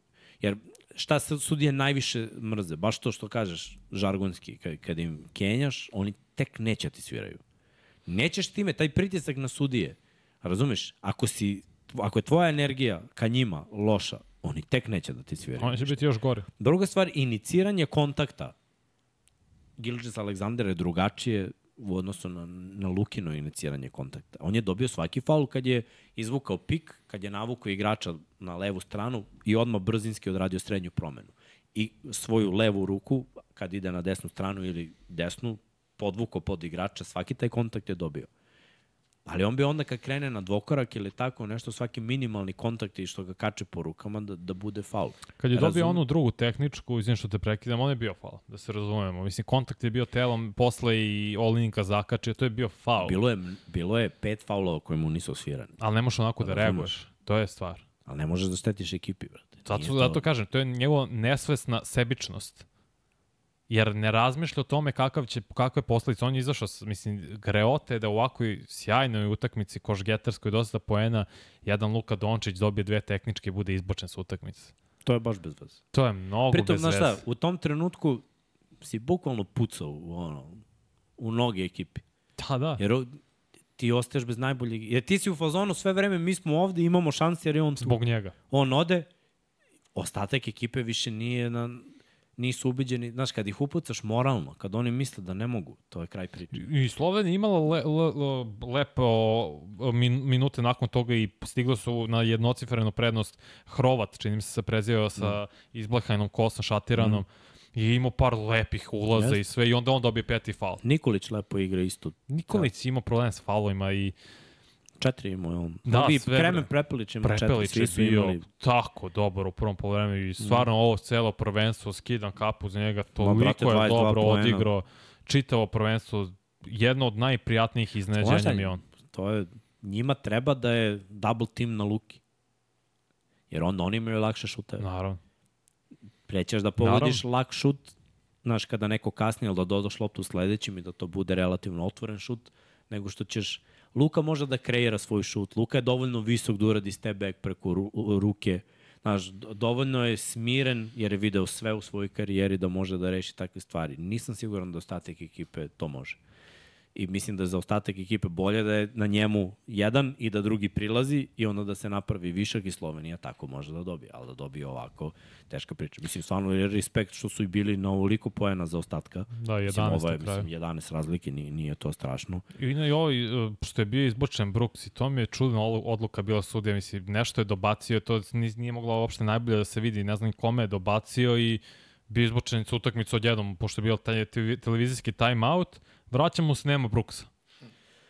Mi ništa sad spektakularno ovaj radio. to, je, to je neki vid, naš, sudijske kompenzacije. Jer... Ne, prvi je bio izbočen, a ne, ne, posle. Ne, on je dobio Brooks. prvu, Da, tehničku da, je dobio u da, prvoj da, četvrtini odmah jer je Bravo, Dragić bravo, ošamario. Posle je Brooks bio izbočen, da, da, bravo, bravo. Razumem, znači on je već bio opomenut i znaš kakav je i znaš njegov temperament i mislim, gledaj ti kad sudiš neku utakmicu ti se spremiš, znaš kome sudiš. Što je najgore na ovom prvenstvu, zaista nije imao ispade Brooks. Dobro, polako. no, možete biti, ali Iu, to sad stvarno nije, brate, ono, bio korekt. jednom Džukela, ovog Džukela. Da. Možda je bio Džukela Bog zbog, lako možda, menja, ali čud nikako. možda je zbog Memphisa bio. Da, sigurno. Pa dobro, Dža i... Da. Šalim se, pa nije, stvarno za Kanadu, za sada na ovom prvenstvu, ok, imao sad su ga izbacili s utakmice, meni neopravdano, dobro, kako god, nevažno je. Nije imao te ispade, da možda nauči iz play-offa, da se podsmeva protivnicima, da ih provocira, ono da, se, da je to vidljivo. Znaš, da je baš arogantno. Ali dobro, kako god i on ima lepu rolu. I kad pričamo o duelu Srbije protiv Kanade, ta rotacija njega i Dorta na Bogdanu će biti jedna od ključnih stvari da gledamo. Dort je pogađao trojke danas. Baš je ušao u seriju Znam, kako je ušao. Buć, kad buć, buć. stane u stav, Dobro, dobro. brate, Pazi, Biće Emil- teško, stvarno Bogdanu, mislim, može to pikovima da se razbije, ali njih dvojice su sveži, još su NBA igrači. Znači 20 minuta ovaj, 20 minuta drugi. Na jednom Bogdanu, znaš, to je umarajuće za jednog ofanzivnog igrača. Da dvojicu defanzivnih igrača, prvenstveno defanzivnih, znači oni u napadu malte ne odmaraju, imaju svoje momente, ali uglavnom odmaraju, tu su Bere, tu je Shai Gilges, ovaj Alexander Walker takođe. Izuzetno će biti teško uh, da se ne umoriš, ne iscrpiš. Jer mora Bogdan da igra 35 minuta. A ono Moram- što je naša jač, snaga, to treba bude Milutino i da se koristi pick and roll s njim protiv Olinika, protiv Powella, jer je jače njih. Ovi su možda ok, atlete, to je Pavel atlete, Olinik nije. Ali jače je Milutino, spusti se njemu lopta i može tu da se gradi lepo. Jer Kanadjani se previše oslanjaju na svoje fizičke predispozicije i onda ne igraju odbranu kako znaju i umeju. Ako bi zaista stali u stav sva petorica, mogli bi da zatvore sve na jedno 70 poena, ne računajući Ameriku, jer igraju sličan stil. A oni to ne rade. Nisu disciplinovani u odbrani. I misle lako ćemo sve, jer ofanzivno ćemo dati više poena. Što je i uglavnom istina. Pa da. Pazi, ajde, analizirat ćemo sad malo potencijalne match-upove i ko bi mogao koga i kako dobiti. Pre svega toga moram da pozdravim svog brata Peru za sušće Pan City. Nadam se, brate, da je sve okej. Okay. Inače, javio mi Maldini da je neko ukrao barku. Stvarno nije u redu, brate. Stvarno nije u redu da je nestala barka. Sad ću posle Treba podcasta... pecamo, ljudi, vratite Posle bar. podcasta ti pišem da vidim, telefon mi je tamo negde, Srki, rekao, da vidim šta je bilo, Sad ću. ali pozdrav za Herceg Novi i Boku. Vratite barku da možemo da pecamo. Da, da vadimo vrše. Uh, ajde, ajde ovako, malo kada pogledamo, koja bi bila najbolja taktika, prvo ajde da eliminišemo njihovog najbolje, šta ti gledaš kako će on eliminišemo naš, kako ćemo mi da zaustavimo Gilgis Aleksandera? Ko, šta, ajde, okej, okay, Aleksa jedan će duđe sa klupe malo da gumara, odradit će svoje, verujem, može da uradi svoje, Nije lako, brate. Nikad nije, Kada te neko od, od jednog kraja do drugog kraja prati kad igra onako agresivno na lopti. Nije, ali nikad Ag- Aleksa nije igrao pro- protiv ovoliko kvalitetnog igrača. To je problem. Ti Dobro, ima stranu pomoć. Ne, ne, ne, ne, imamo priču sad odbran jedan, jedan. Uvijek pričamo o NFL-u, nikad nisi videli Lamarovu brzinu ili brzinu Terry Hilla dok ne igraš protiv njega. Ovo su vrlo slična stvar. Ne pričamo o, o samo o brzini, pričamo Da, o da, eksplozivnošću, svemu, agilnosti, veštini, Arsenalu. kompletno drugi svet. Ali pazi, jednu stvar Šaj nema. Šut. Mislim, nema. Mislim, nema konstantno. Šut za tri. Može da se desi da Mhm. pametnije je Se odalješ. da se odaljiš. Metar i po. Ne mogu kao Jer šuter u ako metar. će Šaj da da pet trojki protiv nas i tako da nas pobedi, iskreno ja ću žin s tim. Onda ideš, on, on, on, nema onda preuzimanju piku. Ono što mi radimo, stalno što radi skoro svaka reprezentacija, nema preuzimanju piku. Ideš ispod pika, o, visoki igrač ostaje na svom, nema preuzimanja. Ako bude preuzimanje, Milutino ne može da stane, da stoji ispred šaja, nikad. I to će onda biti uvek slučaj. Nema preuzimanja, ako je Aleksa taj igrač, možda će biti najbitniji igrač u utakmici polufinala, da čuva Stefan Jović, ne znam da li mo, ne može da isprati. Vrlo Znaš koji mi je još opasan ovaj, šuter u tim situacijama? Nikel Alexander Walker. Da, da. Mm. Mm. Na mestu je prangio u ovo prvenstvo. Mm. Mislim, pretera nekad uzme neka previše Da, da, šuteva, Ali gledaj, ali ulazi određen broj. Ne znam za koje procent. 50%. Mislim, je imao novi tek 3 od 6. Ok, dovoljno. Iz igre 5 od 8 jer je dao i dva puta Imao i zakucavanje, je ono jednu... Mhm. U nije bilo Radi, radi faula. posao, znaš, na, na sve to, ajde vidjet ćemo tog Brooksa, jer on će da, da se troši više defanzivno nego ofanzivno. A on i Dort, da. Mislim, možda je za što se tiče ofanzive i napada Kanade, Dort i Olinik imaju više ono defanzivnu rolu, ali daće svoje koševe. Da, htio sam se osloni na RJ Bereta. Tu je možda ključ. Ako on ima svoju eksploziju kao treća četvrtina, ne može, mislim, biće zanimljivo vidjeti Dobrića kako njega čuva. Misliš da može Dobrić? Da Mislim da ne može da se odmah ogradim, ali mora. Jer Bogdan ne, ne može da se troši u odbrani. Bogdan će se previše trošiti u napadu i izmaraće ga opet i Brooks i Dort. Ne može on odbrani da uzima ni Bereta ni Šaje. Ne, prosto nije takav igrač da igra i odbranu i napad 30-35 minuta na visokom nivou. To se neće desiti. Timski možemo to da uh, pokrijemo ako budemo igrali i budemo komunicirali kao što smo radili protiv Litvanije. Ali čuvati RJ-a Bereta će biti jedno Biće novo iskustvo Itali, za Dobrić. Litvanija igra timski. A ovi mogu jedan na jedan. Ovi ne igraju timski. Vanja Kanada igra meni ružnu košarku. Eto, kažem, samo, su, jedan na jedan. samo su puni talentovanih pojedinaca. Mislim, ne smem ni da zamislim šta bi bilo, koliko bi o, ružno to bilo da, da su tu i Jamal Murray i Wiggins. A dobro, Wiggins je timski igrač, ne bi to sa Wigginsom. Mislim, to je ono, još jedna usta za nahraniti. Da, vas. Mislim da bi da je samo Wiggins u pitanju Kanada bilo mnogo bolje, ne znam, za i Wiggins i Mari ili samo Mari, to je druga priča. Jer... Ovi, brate, vrte 1 na 1, 2 na 2, mislim.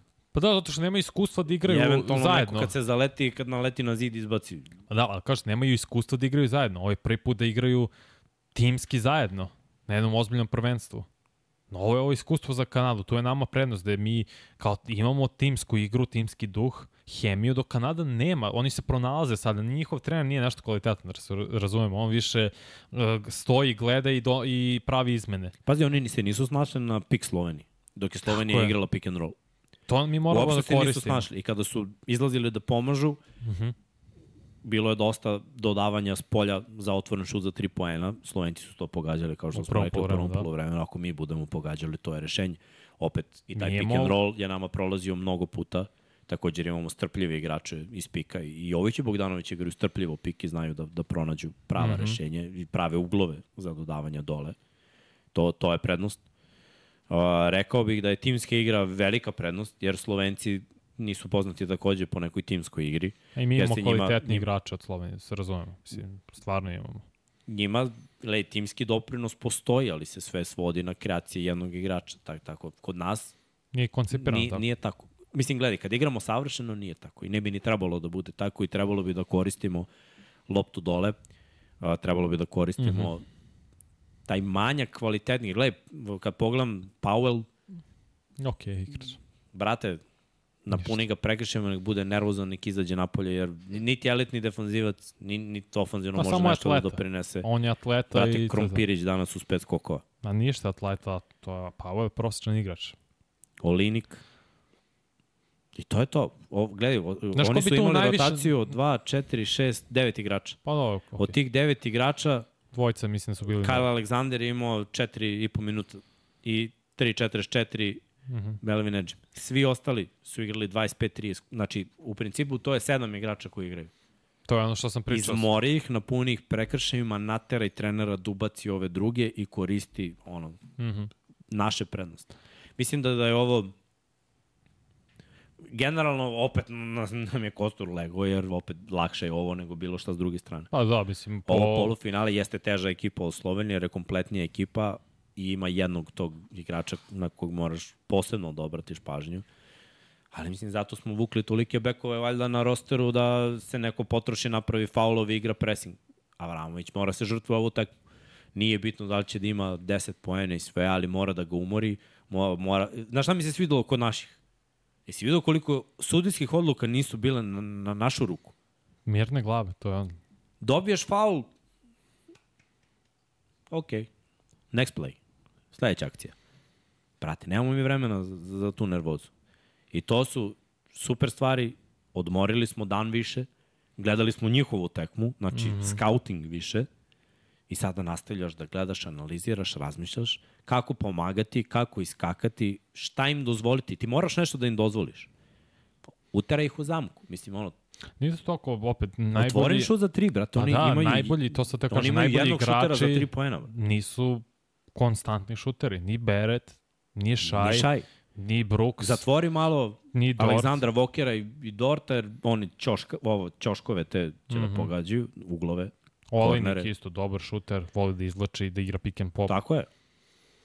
Uh, možda je, mislim, za Kanadu je možda najbolje rešenje da Zek Idej, koji je klasičan centar, dobije više minuta protiv Milutinova. Mislim da je pametan trener Kanade to bi učinio, jer po telu može da ga isprati po fizičkim predispozicijama, konstitucijom. Nije toliko iskusan i verovatno će i to bi Milutino trebao da iskoristi, pogotovo kad je dole. No. Ali Moramo mi da telo je sačuvamo tu. visoki igrače od prekršaja, ali ako s druge strane pogledamo, brate, na, napunio bih prekršajima lagano. Na, toliko bi guru loptu Milutinu koji može da gradi, ako udvoji izbaci otvorena trojka, ali oni i nemaju te tendencije da udvajaju već igrati jedan na jedan. Da. Guraj, gradi, imaš Sve fintu, imaš kidaj. sve, mislim, na prven, ovo je stvarno svaki put kada Milutinov dobio loptu da, da ima dovoljno da gradi. Najopasniji igrač koji možda ga čuva je u Linik, jer stvarno korektno radi posao. Godinama u NBA-u radi korektno posao i ovde radi korektno posao, ali on je jedini koji može nešto da uradi. Ovo je ostatak ekipe, to su četvorke koji pokušavaju da igraju petice, to nema šanse da prođe protiv nas ako radimo posao kako treba. To je moje mišljenje. Mislim da možemo ovo lagano da dobijemo i dodamo. Lagano? Lagano, mislim, s našom taktikom i našom vrhunskom odbranom. Biće teško, ne znam, ja sam... Samo padovi me brinu. Pad nije bio ni jedan na ovoj tekmi. Pa, Ja savršeno. tako? Koliko je bilo padova Pa u igri? nije bilo. Ja možda na početku utakmice jer su ovi savršeno otvorili Litvanije. Ma nije bio pad, brat. Ne, nije bilo sa- uopšte. Ne, pa nije, to sam to je ono što kaže, da će Bogdan kao Nije bi- kapitan rekao, nema, Nije ljudi, bilo nema forsiranja ni jednog pada za 40 minuta, ja to nisam vidio od naše reprezentacije. Sam ne rekao, ovo je najbolja utakmica Da li je trebalo toliko da prođe? 2016. Znači, s poslednjih 7 godina protiv Litvanije, tačno protiv Australije, to kad smo izdominirali, obrukali Australiju na olimpijskim igrama, ta i ova, to su dve najbolje utakmice naše u poslednjih 7 godina. Ja ne mislim da ćemo, mislim, lag, ja ga kažem lagano, ja to gledam ono 5-6 pojena razlike, da ne bude Tenzije. tenzije u posljednjem napadu, ali, ali to je ako sve ide kako treba, jer kad postavim ovako na, na papir, imamo, imamo više prednosti nego oni. Njihova prednost da, da oni dobiju tekmu jeste da ova dvojica metnu 60. Ovo Mislim da je naša odbrana konačno, mm -hmm. da, da, mi nismo ofanzivno vrhunska ekipa. Mi smo zapravo defanzivno A vrhunska to je moje pitanje, mi možemo protiv dve ozbiljne reprezentacije, opet mislim nismo susreli sa ovakvom Nismo. reprezentacijom Nismo. od Ali budi realan, 2019. Ali budi realno, šta nam više ne leži? Mislim da bi nam gore bilo da igramo protiv Nemačke. Ne, ne, ne, šta nam u više ne leži u da. smislu odbrane od 3 ili odbrane od 2 i od pika. Mislim, ja stvarno mislim da nama ne leži odbrana od 3. Da, to smo loši. Ali smo to odradili. Znači, nešto što nam je Okej. teže smo već odradili. I samo je, opet, problem je što nismo, i uporno ću to pričati, igrali protiv odličnog igrača. Kako ti jednog van serijskog talenta kao što je Šaj, zaista jeste, kako ti njega da limitiraš, ne možeš Pa da ga zaustaviš. Kako ga limiti? Ali da si imao, Limiti- da si igrao protiv nekoga sličnih uh, sposobnosti, pa da imaš ideju, Koristit će, koristit će To je- svoje to je prednosti protiv naše startne petorke, jer nama treba Jović ofanzivno, a on defanzivno neće moći da parira. Tu ćemo drugog igrača staviti, oni će vrteti preuzimanja dok ne dođe do Jovića. Vrlo verovatno, mislim. Šta je njihova taktika? Igraju 1 na 1 i 2 na 2. Matchup, Igraju baš. pik dok ne dođe do igrača kog on hoće da napadne. Znači, ili će centra ili će najslabijeg defanzivca. To, to bi trebalo da bude tako. Onda uđe Avramović i krene ga maltretira. Krene da pressing, ako neko drugi prenosi loptu, igraš flaster i malo mu se uvučeš po kožu, mora i da odmori čovjek, pa ne može da igra 35 minuta. Koliko je igrao ovde? Nije igrao ni 30. koliko je, Lažem, 36 igrao. to mu je prosek u NBA. On može da igra te minute da se Dobro, ne, nek ne igra. zavaram. Neka Aleksa igra više. Razumeš, treba nam Ja dok- neko ko će da jedino i, i da imamo pitanja. pomoć. Ja dok gledaj, to ne vidim, ne- mene ne ne znam. brine on. I uopšte mi nije strašno da mi Gilgis Aleksandar da 30 pojena.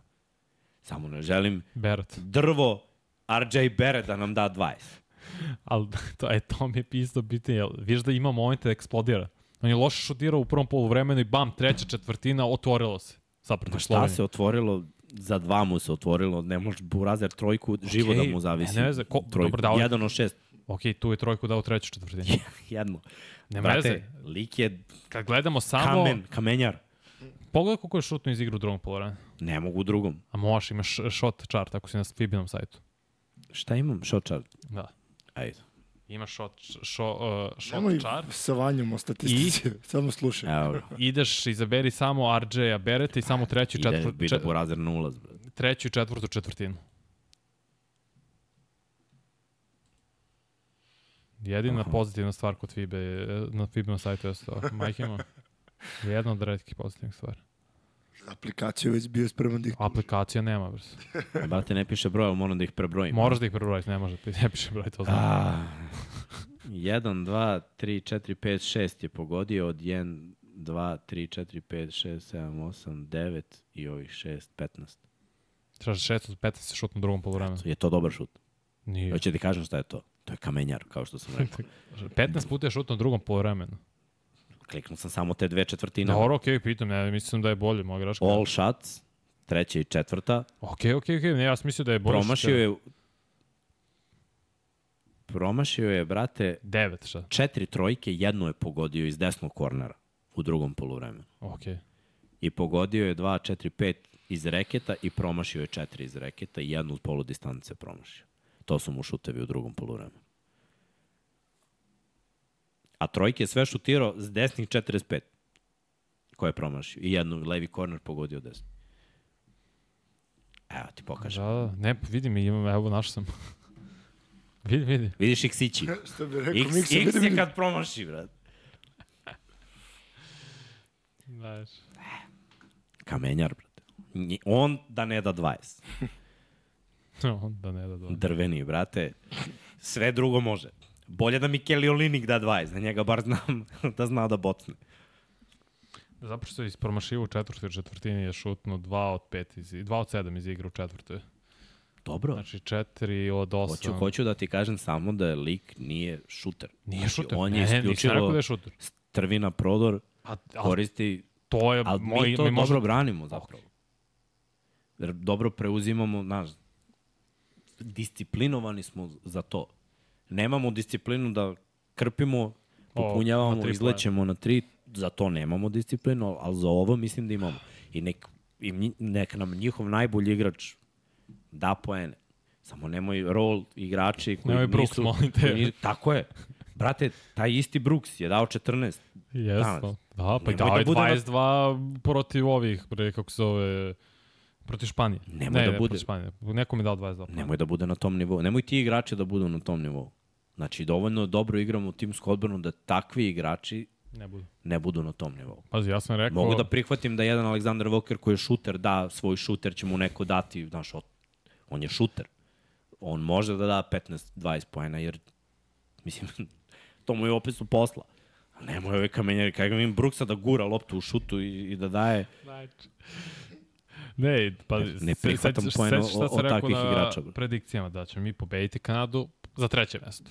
Pošto ova četiri reprezentacije sam pogodio samo ne ko će s kim da igra, jer je ipak Amerika i mi smo izgubili, pa s- smo zamenili zapravo parove za polufinale. A sam rekao da dobijamo Kanadu za bronzu, sada, mislim, opet bolje, bolje matchup nego protiv Nemačke. Da, samo, ne bi, samo biti pametan, ne prilaziti previše. Znači, za takve igrače Ne može im, ne odaljiš prići. se i pusti ga. Evo sve ovde s polu distance, evo sad ga pogledam. On polu distancu i trojku, sad ću uključim sve četvrtine. Šaj. Ar Adžiber. Pa ne, baš 9 od 22 šutno iz igre, sam rekao. Tebra, sve koševe dao iz reketa. Pa to i mi dajemo, samo mi nemamo polu distancu. Pa smo to mi protiv Italije i Dominikanske republike. Nemamo pogođen, šu, jedan pogođen šut iz, u te dve utakmice. ali on, brate, pol, znaš koliko je šutno polu distancu? Samo što mi trojke podiš. koliko je šutno polu distancu? Mi ne, ni ne šutiramo, pravo si. Na, a znaš koliko je on šutno? Koliko? Jednu. Pa isti smo. Ali je zato prangio Burazer trojke kao da je Steph Curry, brate. We're the same.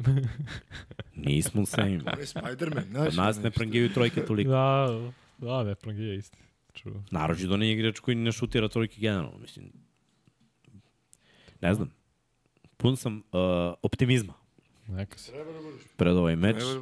Bravo. Mislim da postoje više načina, mislim da prvo ta centarska Zato šaj dominacija. polu i- distance, gledam sada, brate. Ne, ne, Šaj je. Šaj je druga priča. To, Ja, zato znam da ne može da se zaustavi, ali daj Bož da može da se uspori. može se limitira.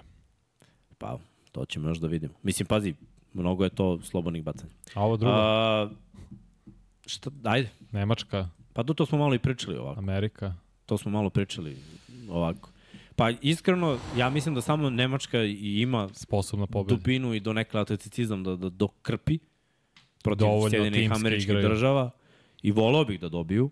Uh, mora da se desi mora da se desi ovaj da Šruder odigra utakmicu. Mislim da će biti naložen kako da igra igrao protiv pre. Amerikanaca Ali to, znaš, i... nemoj da sagori od tog loženja.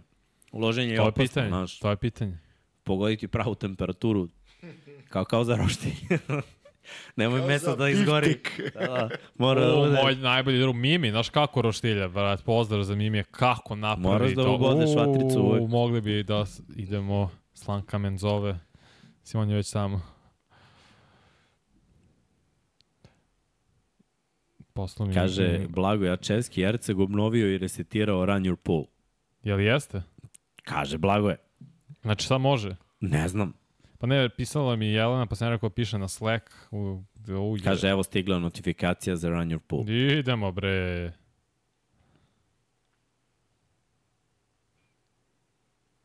Dobro. Vidjet ćemo, vidjet ćemo, vidjet ćemo. Biće zanimljivo. Svakako, mislim da U, pa to znači da mi moramo da izaberemo. ne moramo mi ništa. Svakako gledamo kostur preostali, eliminisane reprezentacije i put do pehara. Amerika, Sjedinje američke države protiv Nemačke, Srbija protiv Kanade. Ba gledaj, bit će to ovaj, atraktivna utakmica između... Jer Amerikanci će da igraju brz ritam, Nemci će da uđu s njima u taj brz ritam. Nemci vole da igraju u brzom ritmu.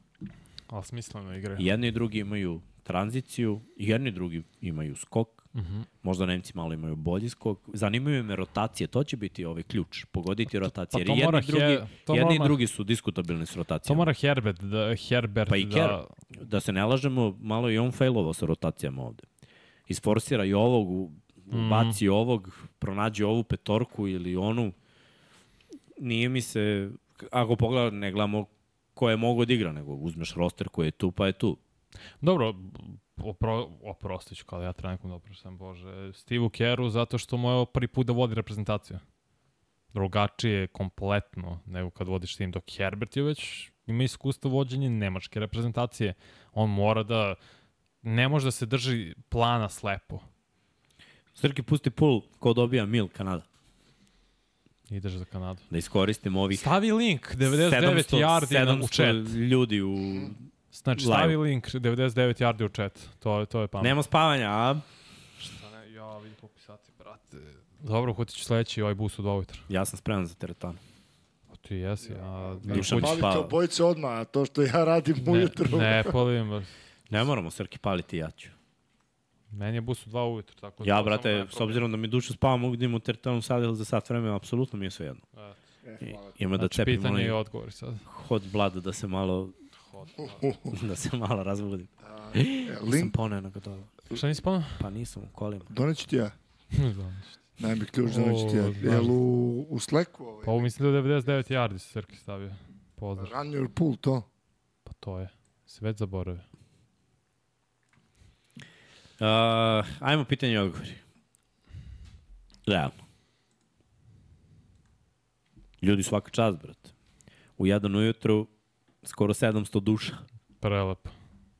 You, you gotta love it. Evo sad kaže Mladen Stanković za sve koje zanimaju prognoze za NFL, link je aktivan. Inače, Mhm. Evo pitam ja vas, Pite. Chiefsima ne igraju Chris Jones i Travis Kelsey, ko dobija Detroit ili Kansas? Ja sam rekao Detroit i pre toga. Tako da držim se tog pika. Kako bi rekao Eminem, Detroit, what? A ima ona pesma Detroit vs. Everybody. Ma da. Eminem, Ali znaš kad je u Big Sean. Forget About Dre, kada on reporterka kao na polovini spota, kad se ubaci kao Detroit, what? e, pa kao, Leđem kažu ti da roštiljaš u odelu. Ko dobija Srbiju ili Kanadu? Ajde Srbija. Bravo. zaživeo. 81, lagani. Volim Da, taj broj. Tio. Evo ga, Srki je stavio ranju pul. Ko voli NFL prognoze da se igra s nama, tu je, a možemo, posjećemo ga kopiramo i u 99 yardi tamo. U opisu. Ma da, ako ti Srki dosadno, možeš i to da uradiš. Gde? E, U pogledajte. prethodnoj epizodi, Da, ubaci. U, U pret, opisu. u opisu U prethodno. samo ga iz studija, u sadržaj, pa Recite mi šta mislite o tekstu koji sam napisao, baš me zanima. Ko će bre Burazeru da čita tvoj tekst od 67 strana u jedan uvijek? E, na pola, na pola je. AFC, NFC. 34,5 je. 33,5. Kažem. E, šalim se. Koliko? 13 je ukupno strana. Pa mislim da je 99 bilo yardi tre- hoćeš da stavim. Da, da, da. U opis. U opis. Analiza i rangiranje NFC, AFC timova. I pinuju komentare. A ima ljudi koji će pročitati. Da, bra, sve ljudima. Za ljude sve. Ti si pročiti šta? Ja sam bio uvek predsednik uh, odeljenja. uvek su me birali jer, jer se zalažem za raju. Kad je trebalo odložiti kontrolni, tu sam bio doktor. Te gurno onako kao... Ne, samo me zamole, ti moraš to da rešiš, nema ko bolje. Ja odmah s profesorom 1 na 1 ili profesorkom A, zato si je i misli to bude završeno. Nema. Uvek sam bio poštovan. Evo ga, pitanja su došla. Idemo. Slušaj. Koliko će poena Šaj dati protiv nas? Po razeru, da je to najskuplje Da. pitanje. Šta znam, ja mislim da će da 30. Ja mislim da će, tri, da će Jer dati će šutne 35. 15 bacanja sigurno, ali mene to i ne brine toliko. Me, mislim da će dati 35. Bolje je pitanje koliko će dati opet Dort, Brooks, Barrett. Da. Ako oni daju 50, mi smo u problemu. 50 zajedno. Koliko Vanja ima odela? Odela ima jedno odelo, ali ima sad mnogo sa, sa koza. Odela ima jedan u Baltimoru. Padumc. Bravo, Srki. Da. Ako si, ako si im rekao. Znaš li da su Ravensi prošle godine, hvatači Ravens, imali, to nisi stigao kažem, 1517 yardi hvatanje. To je najmanje, najmanji broj yardi za jedan tim od 2019. od Baltimore Ravensa. Da. To je jednostavno, ne radimo to tako. It's the Raven way. Kaže, Mixel se ove sezone komentariše NBA ili ne. Ne znam po razeru, vidjet ćemo. Ja imam želju, a ako me pozovu, tu sam. Iskreno sumnjam da će biti dok je NFL, NFL zato što je ovaj, dosta utakmica. Jer to, to za mene je to bar četiri nedeljno plus studio, plus ove neke emisije koje idu, pa ovaj, Plus da, pre, da preživim. A, ako bude naravno bilo, ovaj, nikad ne odbijam, volim NBA i ovako ga gledam, pa gledao ga i kući i komentarisao Anđeli ili gledao ga i komentarisao Ama na areni, to je ovaj, za mene sve jedno. Isto. Uvijek me zezaju, alo komentator. Kad ja uđem u svoj, gledam tekmu i ja tu komentarišem. malo sa sobom, malo sa ovaj, ostalim komentatorima. Dopunjujem se. Vidiš, ja bih hvala, ja ću tako se ubacim krišom. Da ne stavim, stvaram pritisak. Kažu, verujemo u Mogli, a više nego u Gofa. Pa dobro, Našeg mogli, on završio karijeru. Da. Ko je naš mogli? upoznaćeš ga. Aha, vaš igrač. Šta mislite, da li Avramović može da bude neki ministar u budućnosti, pošto krade svaka poča? To kao je E. i ruko, golman uh, rukometne reprezentacije, što su ga zvali ministar odbrane, da. kad je bilo prvenstvo kod nas pre 5 Tako godina. su zvali Pereza prošle godine. Nećemo, ja ne volim Perez. Meni Pa ne, Perez ne, ali su jedino vozi formu. je Jes, sve ministar branio. odbrane. Pa da. Meni Perez dobar vozač zato što ima brutalan bolid, inače ovako ga ne cenim. E, pravo si, nema tu glavu. Da li mislite da Davidovac može da ima bitnu ulogu u odbrani? Pa gledaj, radio korektno ovaj, Dobro iskako, Mm. help defense, to je generalno odlično. je dobro igrao. Može da ima zato što... Statistika ne govori koliko, koliko je doprinos bio, Pa mislim. m- može zato što ni, ni ok, Dort malo više jeste, ali ni Dort ni Brooks nisu ne, ofanzivni wow igrači i da on ne može njih da isprati. Može. Stvarno može. Tako da ima moće da, da, igra, da igra, da ima ulogu.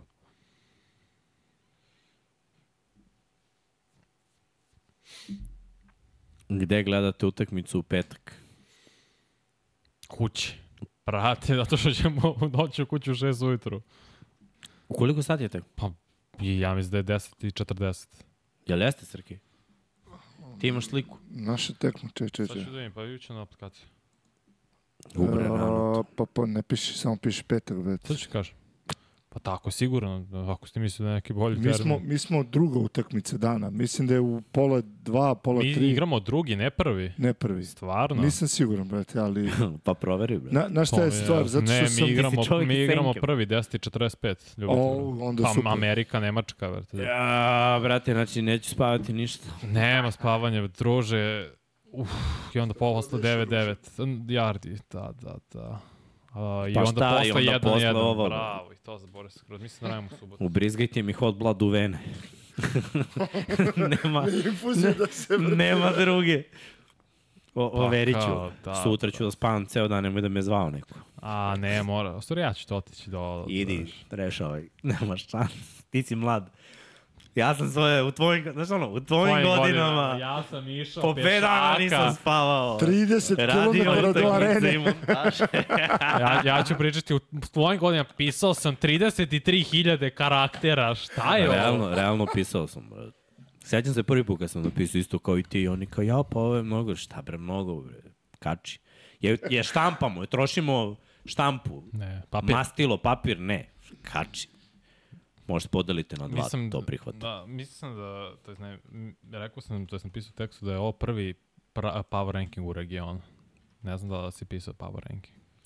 Pisao sam i power ranking Jel i, jes? i, i najave kola opširne i gledaj po, po divizijama analizu Dobro, svake to da. ekipe. To Vuk i ja smo sedeli kod mene kući, nađemo se popodne, napravimo dve neskafice, uzmemo nešto slatko i neki grickavice, ono kikiriki, nešto da, da, i krećemo polako. Od jedne do druge, ekipa po ekipa, time, što on kaže, Times New Roman 14 I rokaj, brate. I onda, naš, divizija po divizija, pa onda posle to ili neko pročita ako radimo prilog ili samo mm -hmm. ide kao blog, ali stvarno smo radili u početku, onda je postao podcast i onda kad imaš podcast, ja, ja kapiram, pošto ja više volim da čujem nego što volim da, da pročitam, naravno, lakše mi je, lepše mi je, brže zapamtim nekako, prihvatio sam tu formu. I onda sam prestao da pišem. Sam mi reci gde da metnem link na, na dno ili... A, A, na vrh. Na vrh. Na vrh u opisu, da, za 99 yardi i onda uključiš i staviš ga i kao komentar Infinity Lighthouse Ne, i nema fali, pinaš. nego ćeš posle, posle time kodova. Ne, ne, ne, gore. Baš skroz da, da, gore. da, i napišeš link za prognoze, run your pool i staviš link. Dobro, znači... Dobro. dobro, ovo ću morati da ispravim. Gde piše ovo najava prve utakmice, pre toga već. Da, da, prvo da ide link, prvo da ide link. Znači, ljudi kada vide, znači ovako kada stoji Evo. naslov dole, umesto da vide domaćin ili šta god ko kod nas, Znači, prvo vide link. ra, run your pool, dve tačke link. 99 yardi run your pool, dve tačke link, taj, da bi mogli odmah da uđu. Kaže, Mikse, nisi mi pročitao pitanje za Vanju. Pa koje je pitanje? Mnogo je pitanja. Popularno deš. Muči me pitanje. Kaže, pita Vanju kako nije sramota da ne zna Žikinu dinastiju, a zna Barbie i to gleda bez reči. Aha, to je pitanje. Barbie? Si gledao Barbie? Ne, Eto, što dirate, dečka nije gledao Barbie. nisam gledao. Rekao sam da bih išao sa devojkom gledao, nisam gledao. Čekinu dinastiju nikad nisam gledao što meni je to bilo ono... Ne. Dozvoli da kažem i meni je ne. Ma ne znate vi, ne, Seljački. neznalice. Meni su seljaš, ne. Neznalice. Chappelle show mi je vrh. Bože, neko će stvarno da me prebije zbog ovoga.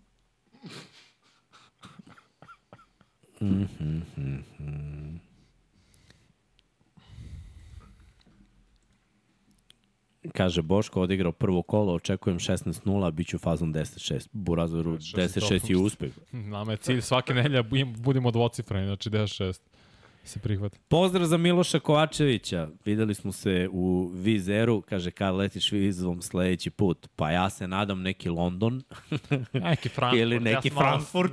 Bilo bi, skromniji. bilo bi jako lepo. Vidjet ćemo. Ali ovaj, pre toga i ovaj, pre Superbola teško. Osim ako nije naravno. Žudim da kažem poslovni put.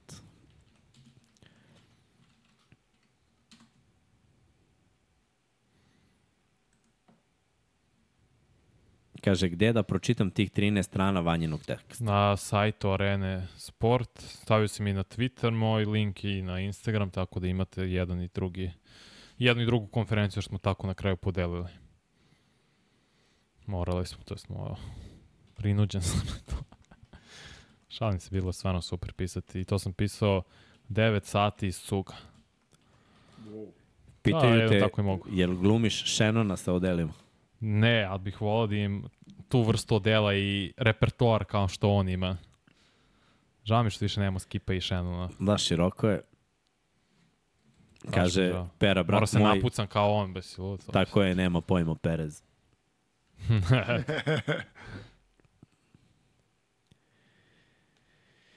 E, Luka kaže, pik 49ers i Steelers je ko uzima. Pa, ovaj, pošto je Bosa potpisao, ja O, kažem da. 49ers, inače da nije igrao Nick Bosa, vrlo lako Pittsburgh. Ali taj pritisak, mislim da ovaj, uigranost ofanzivne Steelersa i protiv te defanzivne 49ers. Rekao bi da je na drugom nivou malo bolja odbrana 49ers, mislim na line- linebackersku liniju. Inače ovako dve jako dobre odbrane. Mislim da će biti baš ono na krvi nož, neizvesno, dobra tekma. To je taj zapad NFC-a i sever AFC-a igraju sličan futbol. Znači nema tu mnogo lepršavosti, nego je ono, Bi- radnički, rudnički. Gde se on Šljakerski. kopa, šljakerski. Iz, iz rova. Vrh, jedva čekam tekmu, iskreno. Stvarno mislim, meni, meni je to futbol, definicija američkog futbola je to. Videli smo Shannona sa Stevenom na ESPN-u i, i, i ovaj, Skipa sa, sa ostatkom ekipe, ali nešto mi, nešto mi nije to to. Prva nedelja, prvih para ovi Skip i Undisputed im je bilo baš upitno i loše, jer nemaju hemiju, na, nemaju razvijenu hemiju, upadaju jedni drugim reč, ali ove nedelje i poslednjih par je bilo stvarno dobro. I dobro i analiza i pro, on, daju dobre informacije i super gosti Dion Sanders šta je radio na college futbolu, stvarno to... E, Priča čekaj, htio sebe. sam da pitam, su ono njegova dva sina? Tako je. A. Ne, ne, ne, ne, jedan je, ako misliš na igrača broj Da, da, da. 12, Hunter, to mu nije sin, to je Ali, najtalentovaniji. ali, ali sin mu igra tamo. Sin mu igra cornerbacka i to, to, quarterbacka. to, to, okej, okej, okej. E, š, ovaj Shedor igra quarterbacka i dečko A je... jesi vidio što imao je iste kopačke ko Da. Ne, baš je stvarno što je uradio na Colorado, što su dobili oslabljen TCO, nema veze. To je fenomen koji se stvarno neće vidjeti i ovo je trend college futbola da transfer portal kontroliše stvari. Ti moraš da budeš sad aktivan u tom i tako da dovodiš igrače. Više nije samo doveli smo ga i ostaće sigurno 3-4 godine. Neće. Ako je, pošto su takva generacija, tako je sada, tako je sada omladina, reci. Pročito sam nešto što me baš iznenadilo i oduševilo. Šta? Jesi čuo da je potencijalni dolazak Terensa Rosa u Partizan? Ne.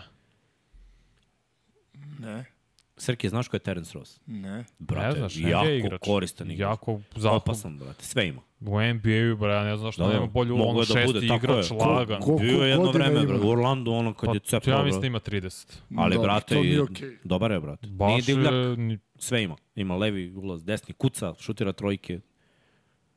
Ne znam, Kalu, nisam čuo za to, brate. Nisam Iskreno, ja. sad si me, sad Daj, si me daj, zatekao. daj izvor, brate.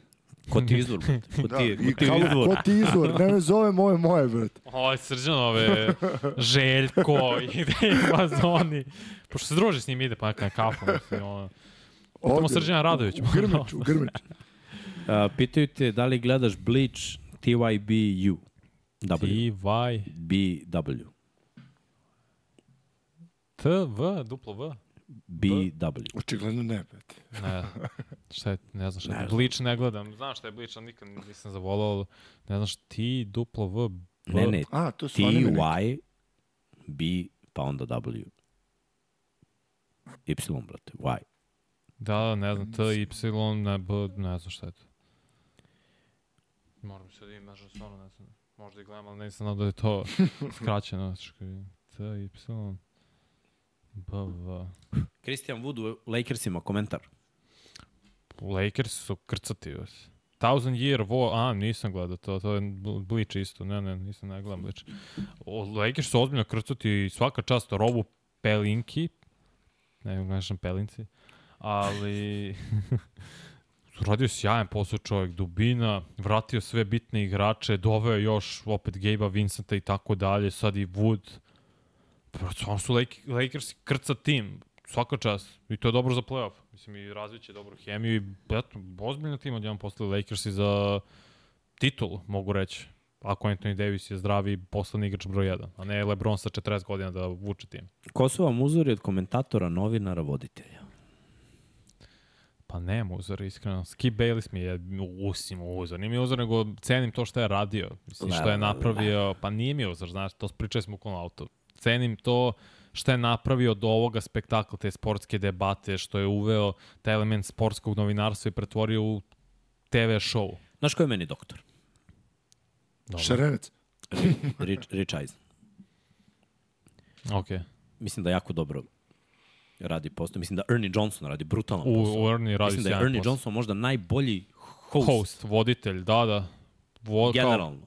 I da, da O, je da. okupio oko sebe ekipu koja ga toliko ovaj, uvažava, ali opet se šali s njim i oni se šale s njim i sve to neuvredljivo, ali opet cool, a opet dobiješ možda i najboljeg voditelja i jako solidnu analizu, gledajući tako. Naravno da gotivim bivše sportiste, jer mislim da bivši sportisti imaju neki poseban šmek u, u celoj analizi, u zezanju, jer poenta i treba da bude show, i treba da bude zezanje, ne treba da bude uštugljeno, treba da plasiraš uh, Informacije. informacije, svoje viđenje igre, ali da pritom sve to nekako bude i zabavno i da bude i neka forica. Znaš ko je odličan voditelj? Uh, Around the Horn Tony, što to radi već 15-20 godina. On tako dobro kontroliše, čita u stvari vodi. Sad naravno, mislim, ima četiri novinara koji se pojavljuju Da. i svako da svoje mišljenje gledao si.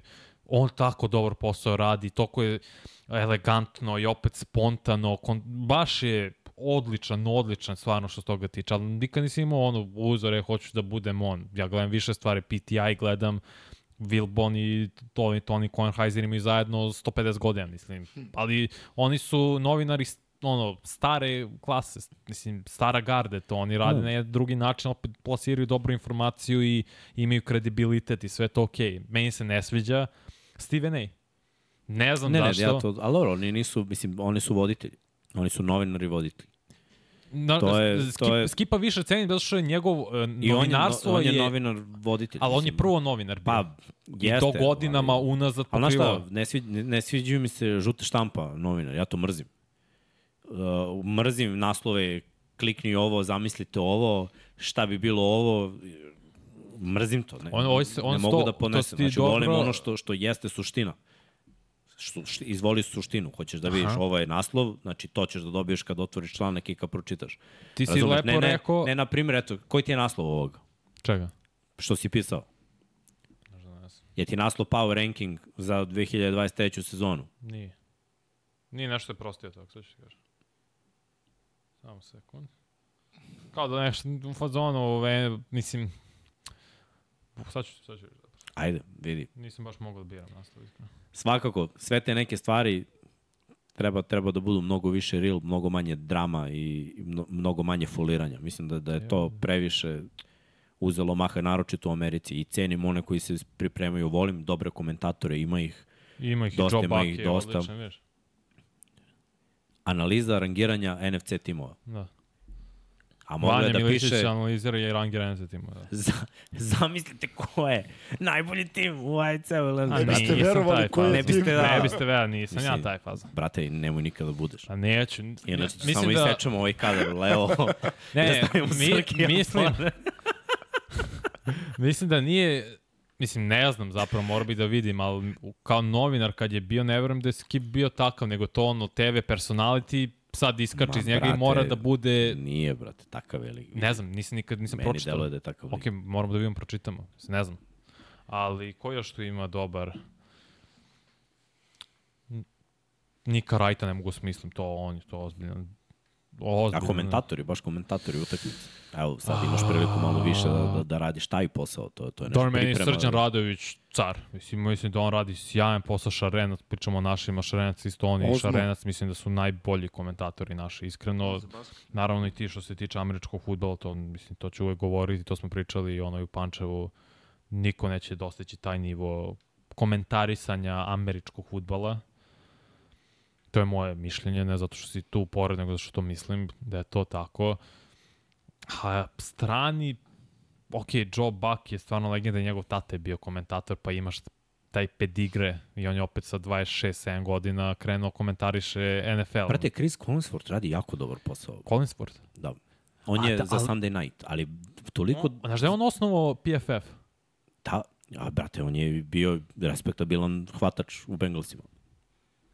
U, svojoj da, igrao, njihova- je za i Super da, Bowl sa je- da, Boomerom sad- Sad sam to tek povezao, njima je headquarters u Cincinnatiju.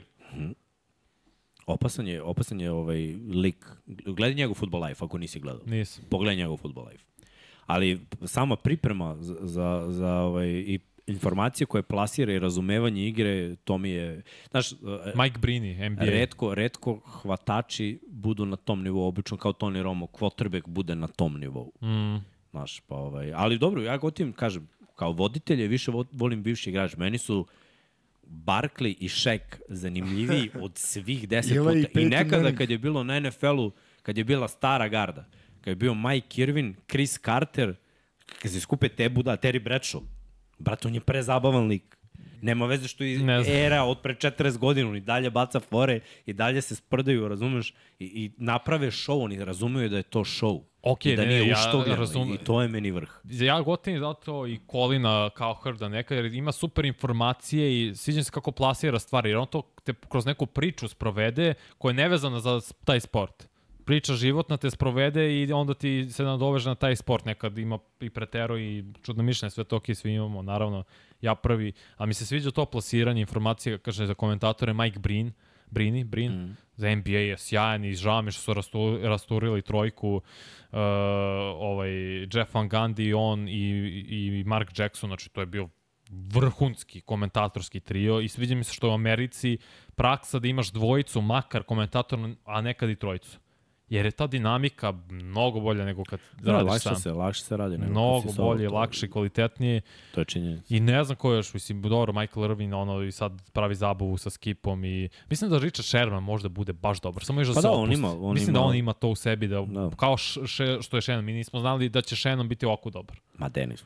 Ne, ne, Shannon, ja Shannon je nisam znao. Evo, show. bre. Ne, ne, show je drugo, ali i podigao svoj nivo. znanje? Van pod- američkog futbola. Da, podigao je stvarno svoj nivo da bude to. I da ne bude toliki, sa, da nije samo show, nego da bude, ok, spreman sam, svaki radni dan ujutru radimo, I, i, i te je drugi razlog što cenim Skipa, što da, to podiže mora, talent, d- prepozna talent i kaže, "E, sad ćemo tebe napravimo. Mislim, nap, on po meni, on je napravio Steven A. Napravio i sada, neću da kaže napravio još jedno Sharpa, nego mu je pomogao da unapredi sebe u ovom poslu. To je činjenica. Mislim da ga nije pozvao da radi jer niko nije hteo da, jer mnogi ljudi su se protivili tome na početku bude Shannon. Skip rekao, ne, on je moj čovek. Ja Dobro. stojim iza toga. Nema da me shvatiš pogrešno. će- Ja Skipa i Shannona ne bih gledao da nije Shannon. Jer mene Skip Okej. užasno nervira. Ok, da, da, da, ok, pošteno. Tako da ono, nije on to napravio zato što mu se ovaj mnogo svidio, nego što je skapirao da će dobiti mnogo publike, jer je pametan što se biznisa tiče. Pitaju nas ko je najbolji i najgori Avenger. Šta? Mislim, film, nije Avengersi kao film, nego najbolji, naj, najgori Avenger. Kao superheroj u Avengers. Miksa Vanja Srki, koji vam je najbolji Avengers i najgori? Pa kapiram da je, Karakter ili lik ili film? pa Nisam mislim da je, Kao karakter. da je karakter kao- kao, kao lik. Hawkeye. Hawkeye ti je Pa nikad nisam go te... najgori. Pa mislim najgori i najbolji. Ne, lo, nije loš. Ko ti je najbolji? U, Ja ne volim Marvela, ali Spider-Man. čekaj. Ali ako njega računamo u... Pa dobro, osam. Znamo kako nekada. Pa mislim, ako dobro, Spider ako Boy. toliko proširimo, mislim, onda mogu i nekog drugog da kažem. Mislim, i Miss Marvel spada u, u osvetnike. Mislim, toliko imaš variacija Pa je ti ono, osvetnika. najbolja. Nije mi najbolje, ono mi je jedno lošije. Mislim, ako ćemo mi je možda i lošije od Hawkeye, ne znam, ako tako, ako gledamo samo OG sastav, onda mi je Oh, Jesus. Iron Man najbolji. I am Iron Man. Ali imam knjigu, to mi kupio. Do you have any batteries?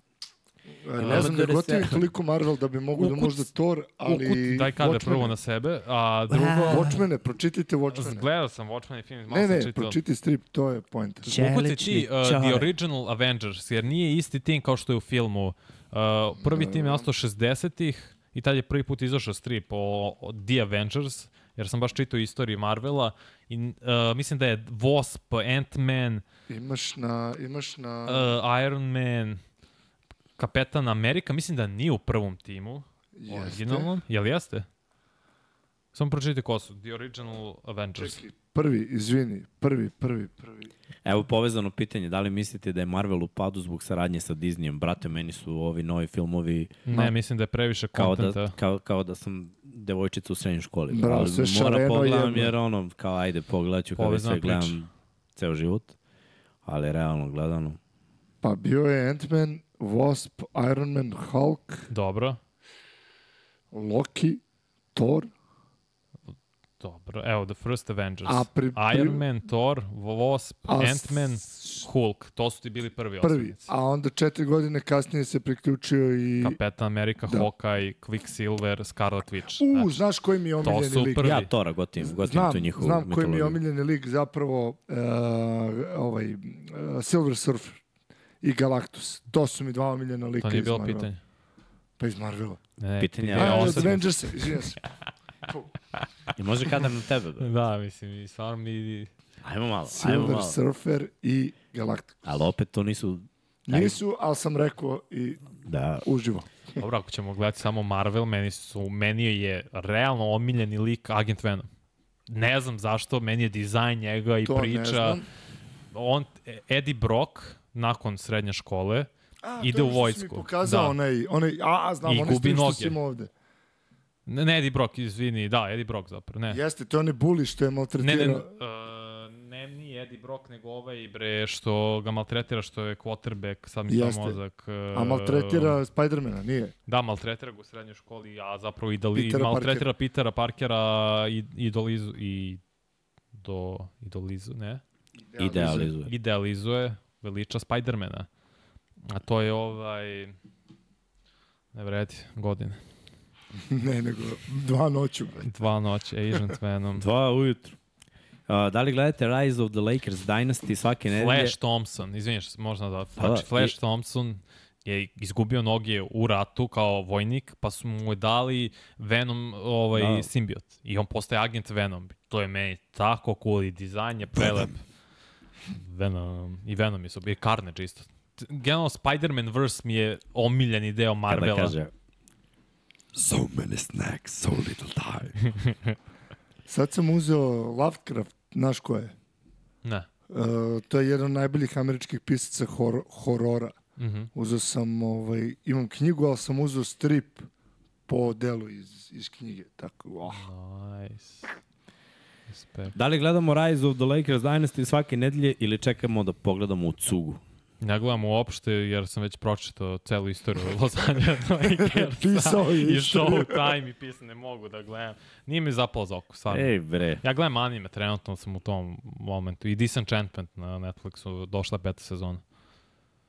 Znači, Jujutsu Kaisen, Disenchantment, vraća se Boruto, to su mi trenutno tri okupacije gledanja i sad kad kreće NFL, college football, nema više. Nema serija drugih, niti bilo čega. Uh, ra. Matt Groening što je pravio Simpsona i Futurama je napravio uh, Disenchantment, baš je to priča. Priča je genijalna, kao nešto srednjovekovno, a zapravo i nije. Baš je lud, mnogo dobro. Mnogo, mnogo je lepo napisano. Ne, Borazirče moje, sad ćeš ti da gledaš samo NFL highlightova sledećih šest meseci. Da, Nema više crtaća, nema nego anime. samo, kako kaže Riri, work, work, work, work, work. Pa dobro, i Britney, i Britney Spears kaže. Pitanje za Vanju. Da li zna ko je Duško Korać i koliko zna može li njegov komentar za gospodina? Znaš ko je Duško Korać? Komentator koji je na RTS-u Atletiku radi. Legenda. I bre. plivanje. Pa verovatno sam slušao, ali ne znam, sad ja ne bih mogao ga prepoznati na ulici. Mislim, slušao sam sigurno jer sam Umro pratio je, Atletico. nažalost, ali da, ga pa, bi legend. prepoznao bi Preminuo. glas. Pa glas bi preminuo, glas bi preminuo. Glas bi prepoznao svakako. Borba ali- prirode protiv Na, farma. Meni- nađi, meni je- nađi ep o Jeleni Šimbajevoj. Ovo je- Uš, nisi im bajo. Ne, ne, ono kad je Gatlin, brate, bio Justin ovaj, Gatlin. na dopingu, a nije bio na dopingu, pa kad je trebao protiv Bolta, tu je, Kako tu je je čovek, tu je čovek odnao Ne, pobedu. ne, ne, ne, znači. ne, nije, To je nije. bilo vrh- Ep o Zna- Jeleni 100%. Šimbajevoj, to, slušaj, to... Ja znam, meni je najbolji, mislim najbolji, taj i TV lice, voditelj i posle urednik, RTS-a Coka Lazović, koji je isto čovjek preminuo to svi se kunu u njega. Coka Lazović je jedan ozbiljan gospodin i jedan od ljudi koji je najbolje radio taj posao. Nije bio komentator. A, okej. Ne, ne, Nego kažem, voditelj, posle urednik Coka Lazović je posebna legenda. Tako da, Ja, ja sam zapravo voleo, ovaj, deda moj je slušao utakmice na radiju i to je bila fora. I onda je bio, bila su dvojice na radiju Beograda novinara, Marko Marković je bio, on je, i još jedan, ne mogu imena da mu setim, jo, evo, sediš i gledaš u radiju. Pa, ne, to je bilo umetnost. To je, to je bilo umetnost. To je da ti prenese to. Mm. na radio, čoveč. Pitaju te, Vanja, si gledao dva i po muškarca? jes. Najjača serija. Ne, ja najjačao sam gledao. Ja tu i dalje gledam. Kad, A, nemam, wow. kad nemam šta da pustim, uzmem da jedem i pustim da se smijem malo. Uh, pitaju te da li gledaš Bakija? Pa Ne. pitalo sam prošli put, nije gledao. Nisam, ne gledam baki. Ja gledam. Specifične anime. Za koga si navio 21. Verstappen ili Hamilton? Iskreno, za, za Ferrari navijam. ja nemam Pa tu to, udela, to, ja ali ne znam, McLaren, mislim da, to to, mislim da je Hamilton on, izgubio titulu na nefair način, ali dobro, šta se Pa radi. mora je Netflix od nečeg da profitira. Ne znam od čega je i ko je kriv, ali mislim da nije bilo korektno način koji je on izgubio titulu, tako da od tad sam ga više zgotivio, da tako da kažem. Ali Ferrari to je od uvek. Kaže Kalu, napisao je gore za Rosa, Da, Urbonas, hvala. najjači izvor za Euroligu. Super. Bahato, brate. Dakle, brate, više. A, ne igram igrice, na, na, generalno ne igram igrice, tako da retro ball ne znam ni šta je. A na telefonu nemam, ne, redko koju aplikaciju, osim ove najpotrebnije. A to je Slack. Pa, Viber, Whatsapp, malo ih imam. Znam. I ove ovako, za život. YouTube.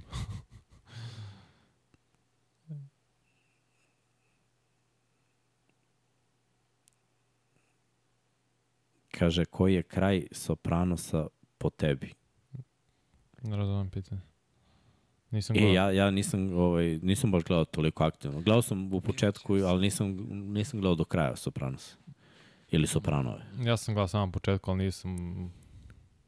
Treba bi tome, tome da se vratim zapravo. To je dobra serija. Kaže, jel vam glup Avengers Endgame? Meni je vrhunski, Meni suzu sam da, pustio okej. ga, tako da mi je bilo... Nice. Brate, kulminacija svega, što gledamo 2008. sve Ma, filmove kako brate, mi bude dobro glupo. to, nego suzu sam pustio. Ovaj pre, poginuo, strašno, svijen sakrani. Pa, Prejako, brate. Isplači se, neće ti lakše. odličan, odličan film. Prejako. Tri i po sata ovako im prošlo. Jesi gledao Vratit će se rode? Mislim sam, gleda- jel ima film? Mislim da sam film gledao. Mm, Jel ima film ili ne? na šta, nema. Nemam pojma. Ja ne znam da ima. Moguće da su napravili nešto da je ono... Onda sam ja gledao nešto, cut. ali mislim da je onda je to bilo, ako je to bila serija, to je bilo skroz nepovezano Znaš, što sam ja ono, gledao. kao Sam bio ubeđen da to bio što ima film. film. Možda se ja, Koji se sam pušta samo te povratit će se rode. Da, je, ja sam mislio da ima film. Gledao sam onda nešto, ali to je skroz bilo nepovezano. Jedna, se, jedna sezona 2007. Ništa. Je to ono, dakle, je odatle 502? Jeste. Jeste. Da nađe onih dvaju. Evo ti 500 u redu. Pa, jesi vidio taj video? A? Kad je pitala ova Ne znam, reporterka... pumpu. Ne, ne, ne, to okej, nego je TV reporterka je pitala Vanju Marinkovića, Dobro. e, postigli, dali ste toliki broj trojki, 502 poena, i on gleda, 502. I još jedan nasmis, 502. I onda neko uradio montažu i ubacio tu A, scenu. ubacite scenu. 502. Pogađa se Gde posle. nađe ovih 502? Da nađe ovih dva. Da, gde nađe ovih dva? Evo ti 500. Da, kažu ima, rode u magle se zove. E, pa ja mislim da sam to zapravo gledao. Mislim da sam to zapravo gledao. Uh, pitaju šta mislimo o Edinu i Koletu. Iskreno, ja stvarno volim i njih i, i. Dareta. I se, kad sam došao prvi put na sport klub, bukvalno sam ono, Daretu i Srkiju rekao, brate, gledam vas stalo i gotivim vaš tandem. I isto kada budem upoznao Edina i kola te isto ću to da im kažem. Ja sam rekao još uvijek Kolet. nisam video. Ja sam rekao kola ti dođe u podcast kada vidio sam ga pre nekoliko meseci. Da. Zato što ovaj, to, to je taj dobar tandem. Mislim, ja, onda sam posle to skapirao kad mnogi ljudi priđu tipa meni i Šonetu, jer, znaš, navikneš se, brate. Mm. To, to je Ne, je. jedan tandem šest godina ti ono... Tako. I, Ti i priča posle ti je neobično kad, kad je nešto drugo, razumeš? Znači, ti, ti navikneš za tu neku hemiju i vremenom kad toliko radiš prenos. Mm -hmm. Znači, brate, imaš ono šesto čulo, kad će on da kaže nešto, kad ćeš ti i sve nekako ide. Je se upalilo da se gasi TV, a? Nije, nije, nije, nego se podigao mikrofon. Ah, Da, našao sam ovaj snik. Se pokazat ću posle. Dobro, je po, po dva. ajde, gasim, gasim. Možda Vanja idemo na dva bus. na bus. I nema, ili I dva ili uđeš tako, četiri. I uđeš tako u odelu u bus. E, obuću majicu. ili košu. Mogu da probujem košulju. Ima briga, jedna priča, ima jedna priča kad je naš jedan saigrač, kad smo dobili opremu, išao kući u kompletnoj opremi Tako je, posle treninga. Nije skinuo, Tako se samo ja je ušao u bus. E, tako je Vanja, dobio, nije dobio opremu, ali dobio je, dobio je odelo i više ga ne skida. Svrbi me šminka na glavi. Pa kad neće skineš, mu kažem. A, ne se sluša. opraćilo isposle. U moje vreme. Nisu ni šminkali. moramo, moramo da imamo, moramo da imamo ovaj jedan segment. Da. Moje vreme, Scottie Pippen je bio gledaj, vrhunski u mo- igrač. U moje vreme, u moje, Bio je u na moje, šestoj poziciji. u, mo, u moje vreme, ali al, al dok ja pričam da napravimo animaciju da Vanja podetinju još više, znači da budu pelenama, pa znam ovde. Šta kao ovog Ili uh, ono- Ant-mana Ne, u na- Endgame-u. ili, ili ovaj, kako se zove ovo, sa, sa Vance Brothers. A, da. Lil Man, je tako? Lil Man, da, da. E, tako, da ono. Da, moto, lako se Ga, nabavi. gugu, gaga. Evo, pa kao. Uh, nemojte da mi dirate Vanju, Što komentir? nego idemo mi lagano na, na predah. Srki mora je radi prepodne, Vanja mora da stigne bus, a ja da okačim ovo sve na, na, na mreže tamo na tranzistor. Uh, ljudi, hvala vam, baš vas je ovaj, sve vreme ste ono, u live-u preko 600, u 2 ujutru, Carski, mislim, svaka čast. I ovaj, nadam se da, da, da ste ovaj, zadovoljni svime što smo mi odradili, svime što je Repka odradila. To je veliki uspeh polufinale, obezbedili smo To olimpijske je igre, to je, to je To je najvažnije. najbitnije. Znači, konačno, Pariz, Ja, mislim, mislim- i to će brzo da Su ovo dođe. četvrt, jedva posle čet, o- ovo su zapravo Prve... prve, Gojen. posle, Nis, nismo igrali Tokio, igrali smo Rio, znači propustili smo, propustili smo Tokio, London, Peking, Atinu. tako je četiri, to je to. Znači, četiri to. od šest smo propustili. To, to, to, To sam, te, to sam računao danas. Da, da. Ovo je, ovo je ono što nam treba i nešto što, što jedva čekam. Znači, kada bude kad budu došle olimpijske igre, naravno, i, i to će uskoro, i o tome ćemo ovaj, pričati, a Mogu ti kažem poslednji fun fact. Za, Kaži. pre- za olimpijske igre ili za svetsko? za Litvaniju. Za Litvan? Litvanija svaki put kad je dobila SAD na ovim Izgubila. prvenstvima, nikad medalju nije uzela. Da. A znaš da je ekipa 94., koja dobije 8. Sjedinjene čet- američke države odpišeno ispadne posle. Pa da. Da, da, ono, ono, redki su tipa mi što smo ih dobili pa smo osvojili, to je anomalija. A, Grci su ih dobili da. pa su ispali, Litvanci su ih dobili pa su ispali. Kanadjani su nas dobili u Sidneju 2000, kad je Steve Nash imao bruka u utakmicu, što 26, 8, U grupi 8. ili nešto? Mislim bilo u grupi. Nismo, is- nismo se izbacili. Ali da, 94. Kažu da nismo propustili Atinu. Tinu. Olimpijske igre u Atini, 2004. Nisam sigurno. Možda ste pravo, sad ću... Ajde, da- googlaj. Baš me zanima. Moguće, moguće da smo se onda ozbiljno obrukali ako nismo propustili. Jer Kaže Argentinci na Ginobili na metnu. Argent, da, znam da je Argentina dobila, osvojila zlato. Olympics basketball, možda si upravo. Možda sam to izbrisao iz mozga jer je toliko sramotno bilo šta smo mi, da sam bolje rekao da, da ne igram. Peking sigurno nije bio. Ma Gledaj, svakako je ovo prošlo što nismo išli smo, da, bili smo u grupi Jest. sa Španijom, Italijom, Novim Zelandom, a šta smo radili?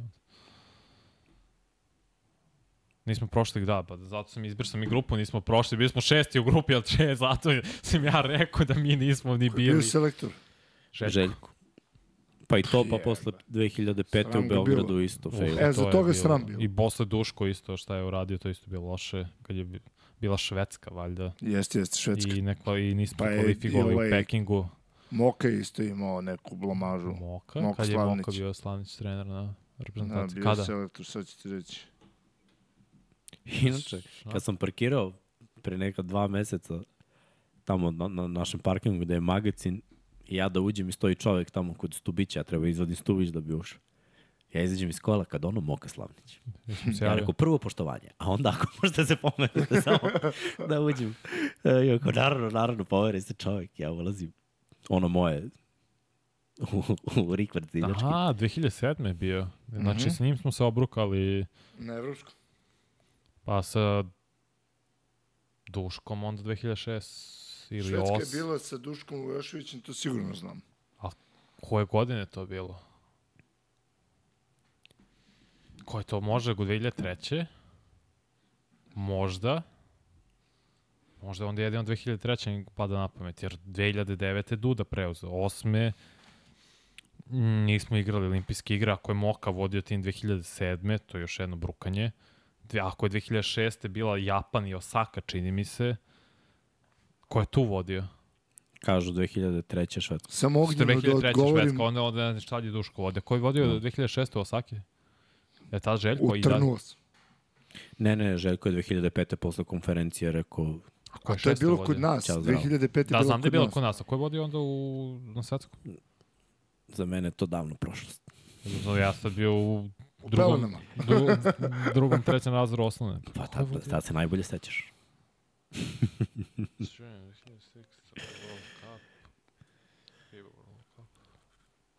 Ja. 2003. kažu Dule, Da, da, Švedska. jeste, jeste, jeste. A Duda Šakota uzeo srebro u 2006. Poljskoj. da. Šakota, brate, Šakota, to smo, to mi je Jesus ono Christ. izbrisano. Znači, eto, mi smo promenili za pet godina četiri te trenera, od 2003. do 2008. Sedme. Katastrofa. Mra, mračno doba srpske košarke. Da, Da, On šta, nije znaš. teo da mi doda. ne, šta loše, kako nije loše, ništa, ni jednu medalju smo uzeli. Dobro, Mračno doba, brate. očekivanja prevelika.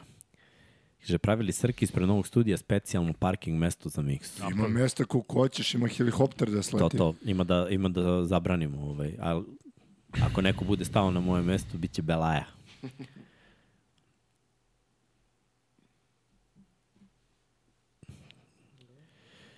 Ništa, ajde da ovaj privodimo ovo kraju, da završavamo. Hvala vam što ste bili još jednom, moram da kažem, stvarno sve vreme 600-700 ljudi, to, to je u ove sitne sate jako dobro. Ispratili smo sve kako treba, sad možemo da najavimo ovo što ide.